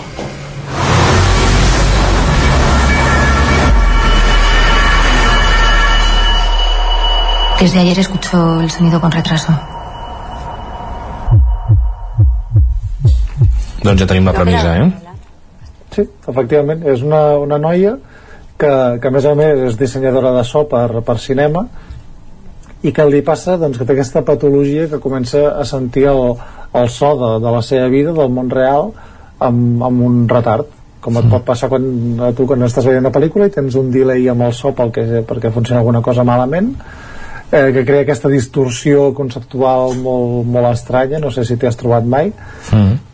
eh, doncs bé, doncs li, li passa això i clar, i a mesura que doncs, va tinguent problemes doncs això se li va greujant i el que en principi són uns segons després ja són minuts i després ja, ja va passant més temps mm. ah, al principi és eh. perillós i, i, i es veu el trailer perquè clar tu quan vas a travessar el carrer també et guies molt de la, de la huida i ella no pot mm. perquè pot ser que el cotxe no el senti fins al cap d'una estona i, i l'atropellen com passa el trailer, com es veu el trailer Sí, efectivament. I, i és una pel·lícula que, que podries pensar que, que va cap a una cosa molt, molt estranya, molt, molt conceptual, no? que fins i tot sigui incòmode de, de veure i de seguir, però, però en absolut. És, en el fons és un drama familiar que parla molt sobre la superació dels traumes, el, el tema de la salut mental, la depressió, no? el, el fet d'intentar trobar-se a si mateix, eh, tots aquests temes que són molt, molt universals i, i més ara Um, però bé, narra amb aquesta premissa que més és interessant pel, per, per com revela el, el dispositiu cinematogràfic. Òbviament hi ha aquest punt meta de que ella també sigui dissenyadora de so uh, però és interessant com incorpora aquest element dintre de, de la naturalitat de la, de la pròpia pel·lícula no? i com barreja els dos elements el que és el purament cinematogràfic i el, i el que és el drama. A més a més és una pel·lícula molt, molt ben interpretada. La protagonista Marta Nieto que és quasi protagonista absoluta però també apareix allà Miquel Esparvé com a, com a secundari. I, i és interessant com va dibuixant això, aquesta trama al voltant d'un de, defecte que pots intentar convertir en una qualitat i és el vehicle doncs, per, per superar eh, això, diferents traumes personals. Eh, que és una molt bona pel·lícula. De moment no està en circulació per les nostres sales més properes però esperem que, que ho estigui aviat. I si no com a mínim perquè els nostres oients doncs, la puguin tenir en compte. Mm. Molt bé, doncs res uh, tot i que de d'avançaments aquesta setmana només n'hi ha dos perquè ara vols parlar de, de Terror Molins. Sí, eh, com sempre ens agrada també destacar festivals. En vam parlar ja la setmana passada perquè es va inaugurar el Terror Molins online a, a Filmin. Eh, ja vaig fer unes quantes suggerències um, us convido a entrar-hi sobretot, òbviament, si us agrada el cinema de terror perquè realment aquesta setmana doncs, he estat um, veient diverses pel·lícules de la, de la proposta i la selecció és molt bona. No sé si, si tant o més probablement que la, que la selecció oficial que hi haurà al festival. Però, però bé, hi ha molt bones pel·lícules realment i propostes molt diferents um, més alternatives de baix pressupost fins i tot però, però hi ha de tot. O sigui, us recomano molt que entreu a el, el Filmin i a veure el, el Terramolins online a més a més hi ha una promoció que, que pots comprar al festival sencer, tens dos mesos de subscripció a Filmin o sigui que és una, una bona proposta. Però el festival físicament comença aquest 5 de novembre durarà fins al 14 i a més és, és una edició molt especial perquè és el 40è aniversari del, del festival i aquesta excusa, aquesta efemèride doncs, serveix doncs, també per repassar la, la història del festival i els seus orígens. Um, aquesta setmana es va inaugurar una exposició uh, que, que honora doncs, la, la memòria del festival. A més a més amb un estil com molt urbà està molt muntat com, com si fossin parets amb grafitis, amb, amb diferents muntatges que va cada sala doncs, hi ha una dècada. I a més a més hi ha un espai molt, molt guai que és que els nens poden anar allà i anar penjant cartells, arrencar-los, eh, com fer-se l'exposició una mica al seu gust, no? Uh mhm. -huh. I és aquest, aquesta part interactiva també més, eh, més maca.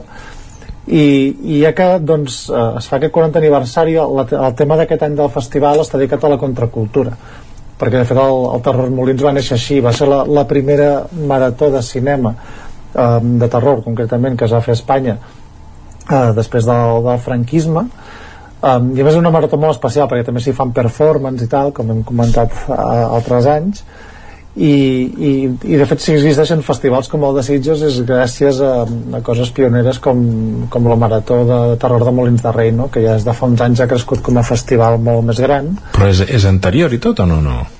Sí, sí, sí, ah, sí? Va, va, va néixer als anys 70 ja el Terror Molins i va haver una interrupció als anys 90 que durant uns anys no, no es va celebrar i després ja sí que a la dècada dels 2000 ja, ja es va recuperar amb, amb més força i ha arribat fins a on és ara no? Mm. i bé, dedicat al tema de la contracultura eh, doncs sí que es fan diverses activitats, ja dic més enllà de la programació oficial que, que, estan, que estan molt lligades a aquest tema de la contracultura per exemple, tenim aquest dissabte hi ha una, una xerrada sobre contracultura amb, amb Fermín Muguruza no? Eh, cantant eh, basc que, que també està bueno, molt, ficat a l'activisme social o es, es projecten pel·lícules que, que, que, que, han com diguem, reinventat o redefinit els codis de, del cinema català i espanyol. Uh, es podran veure pel·lícules com Vampir Cuc de, de Pere Portavella que, que estarà present al festival. Uh, es podrà veure Bilbao de Vigas Luna es podrà veure Arrebato d'Ivan Zulueta o La setmana de l'assassino de, de l'Oi de la Iglesia que són com això, unes pinzellades quatre directors uh, molt rellevants de, de la història del cinema espanyol, sobretot eh, des d'aquest de, concepte de contracultura, no? que és, és com eh, aquest cinema més, més llibertari, eh, que parla de realitats socials a través de, del cinema de gènere, i, i bé, són això, emblemes molt importants que crec que serà molt, molt bonic que es puguin recuperar aquí a, a Molins de Rei. Mm -hmm. El que em sembla curiós és un, un espai de terror kids, eh, és a dir, hi ha pel·lícules de por per nens? Sí, fan, fan una sessió de, de curtmetratges, que és per, per instituts, i dintre del Terror Kids doncs, també s'hi emmarquen un, uns tallers que es fan així de, de cinema, temes de, de stop motion, o amb cinema més primitiu, um, fan tallers de màscares també, um, i és, és, com, és com molt bonic per celebrar el festival també d'una manera més familiar. I també trencar una mica amb la mitologia que el cinema de terror és per adults, quan realment hi ha un punt familiar dintre del terror ara que diguem que el Halloween està més incorporat dintre la nostra cultura doncs es viu d'una manera una mica més clara però sí que és veritat que hi ha un cinema més familiar doncs, que intenta evocar una mica la, les pors més, més primigènies o, o jugar una mica amb figures terrorífiques com poden ser els fantasmes, vampirs, zombis que, que aproximen no? doncs, eh, aquesta, aquesta vessant més, més terrorífica que és al final la feina que eh, fa molts anys doncs, feien el, els contes doncs que ara es pot fer a través del cinema mhm. -huh. molt bé I, i, i a nivell només destacar a nivell de la programació ja oficial del festival aquest divendres hi ha la inauguració eh, per la qual malauradament ja, ja no hi ha entrades que és amb una pel·lícula d'antologia de terror que es diu VHS 94 ja fa uns anys es van estar unes pel·lícules que es deien VHS, VHS 2 i són uh, microhistòries de terror que, que formen uh, un llargmetratge. La, sobretot VHS 2 és, és molt, molt interessant vull dir, aquesta sí que recomano recuperar-la. I un fet que també destaca molt al festival respecte a altres és el, el, el seu tracte molt, molt delicat i molt preeminent de, dels curtmetratges. En, en concret hi ha tres sessions de curtmetratges que, que es valen totes amb la mateixa entrada que em sembla que són 5 euros amb una selecció molt bona que cada any la selecció de curtmetratges en Molins és, és molt interessant i a més a més eh, el públic hi va massivament que és una cosa que sol faltar als festivals no? quan contraprogrames en pel·lícules que la gent acabi saltant-se els curtmetratges doncs, perquè òbviament són menys coneguts però aquí li donen tota la força no? es fa a la sala principal que és el Teatre de la Peni a més a més amb tres sessions i és això, és com una celebració de, del, del curtmetratge i a més a més aquest any des de l'any passat ja hi ha una secció que es diu Ser Trencada que és una selecció així més destacada de, de curtmetratges doncs, fets de, de proximitat, fets a, a Catalunya i en català. Uh mhm. -huh. I diguem que així és un punt més que, que destaca el cinema de gènere que es fa al nostre país, que també es fa molt en, en petit format. Molt bé. No sé si vols afegir alguna cosa més o anem a fer ja un, un repàs de, de les restes no, de... simplement recomanar a la gent que, que s'acosti al festival. És, és realment un festival molt, molt familiar, molt bonic on la gent molt bon ambient i del qual en tornarem a parlar la setmana que ve perquè eh, ja sigui per repassar una miqueta el festival com, com ha anat però també per, per destacar la marató de les 12 hores que és l'event principal. Molt bé doncs hem parlat de Terror Molins abans hem fet, ho hem fet d'Eternals que com, com hem dit es pot veure l'Ocine Granollers i el Sucre de tres que no es pot veure en aquests cinemes i anem a repassar què sí podem veure a, la nostra, a les nostres comarques, al nostre territori començant pel cinema comtal de Ripoll, Ron dona error i Madres paral·leles. Sí, a Ron dona error, de fet la, la vam comentar fa, fa un parell de setmanes, em sembla, que és mm. una pel·lícula infantil on un nen rep una mena de joguina que és com un robot, que és, que és defectuós, no? Mm. I a partir d'aquí, doncs, eh, es comença a generar la història, d'aquesta història d'amistat, i Madres Paral·leles, l'última pel·lícula de, de Pedro Almodóvar, que finalment sí que arriba amb cinemes més pròxims a, a nosaltres no? ja, per exemple els que som del Ripollès no, no, no hem de baixar a Vic mm -hmm. uh, i és una de les grans pel·lícules que ha tret Pedro Almodóvar últimament i mira que l'última Dolor i Glòria també era molt bona i aquesta també ja, ja en vam parlar eh, pel·lícula molt recomanable i bona oportunitat per anar-la a veure a Ripoll. Molt bé, aquest cap de setmana al Cinema Catalunya de Ribes Demon. Sí, és una, una pel·lícula de terror que és, és quasi curiós que, que la presentin que, que va, va guanyar algun premi a Sitges el 2015 diria que millor fotografia o així. És una pel·lícula polonesa eh, i, i és una pel·lícula de terror de fantasmes que és com una, un fantasma que comença a assetjar una parella en els moments previs a, al seu casament i també durant el seu casament. Um, és d'aquelles pel·lícules de terror eh, diguem més, eh, més atmosfèriques que no es basa tant en l'ensurt sinó en crear una atmosfera i un clímax final eh, bastant potent. Eh, pel meu gust és una mica desdibuixada però sí que és una pel·lícula bastant curiosa. Mm. a l'Esbajo Cardedeu Dames de Hierro es fa el 4, 5, 6 i 7 de, de novembre Sí, també pel·lícula exòtica perquè ve de, de Finlàndia eh, i en aquest cas ens trobem davant d'una comèdia negra um, una mica fallida perquè doncs, intenta ser com molt trencador però, però al final cau molt amb tabús.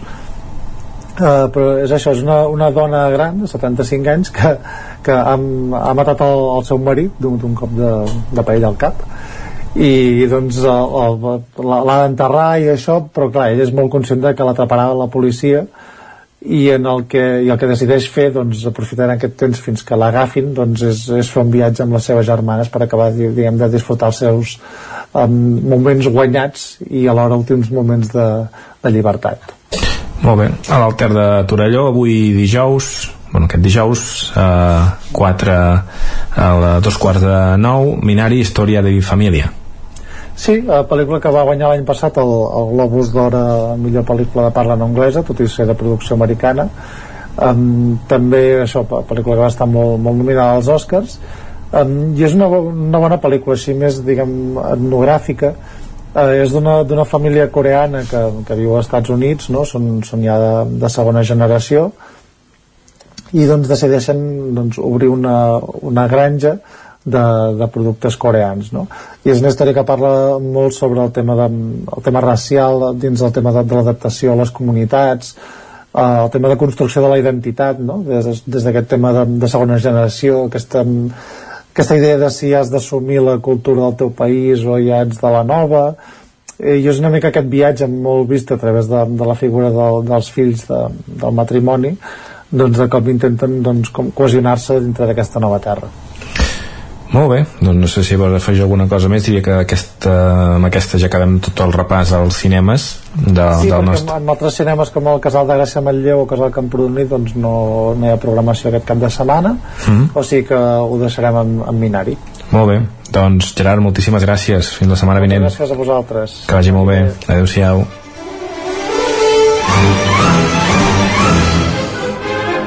Doncs gràcies Gerard i gràcies també Joan, Joan Garcia per acompanyar-nos un dijous més amb la cartellera cinematogràfica aquí al Territori 17 i acabàvem com això, el repàs al cinema a falta de 5 minuts per les 12 i acabarem el programa amb una estrena musical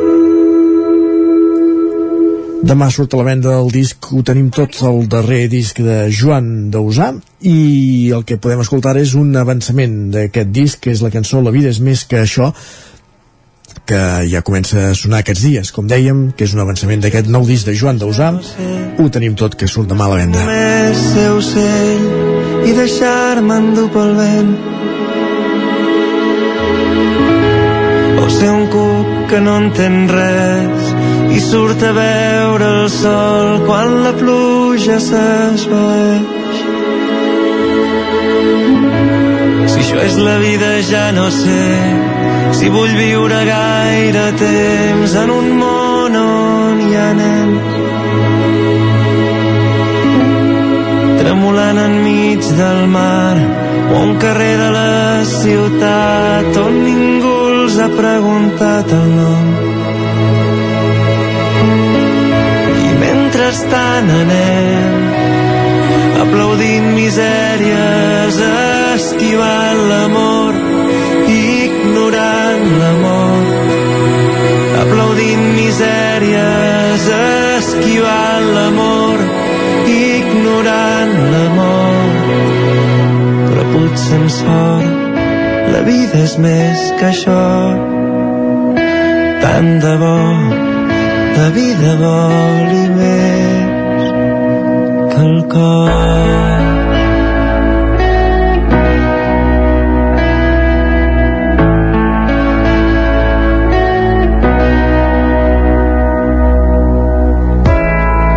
això és la vida o hi ha molt més.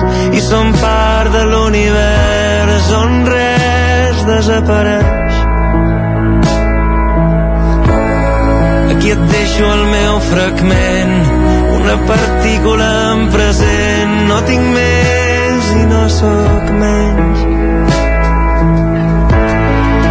I mentrestant anem aplaudint misèries esquivant l'amor ignorant l'amor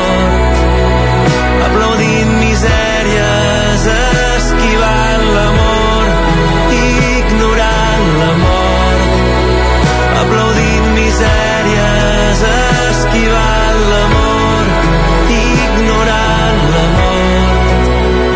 Però potser amb sort la vida és més que això. Tant de bo la vida voli més que el cor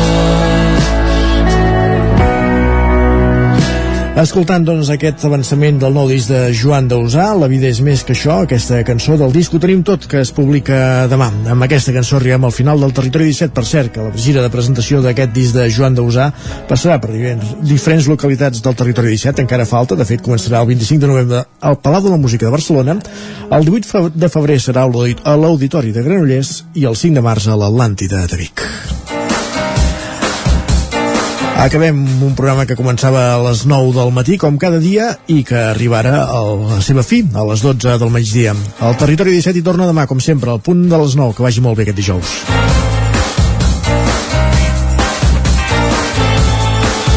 Territori 17, un magazín del nou FM. La veu de Sant Joan, Ona Codinenca i Ràdio Cardedeu amb el suport de la xarxa. El nou FM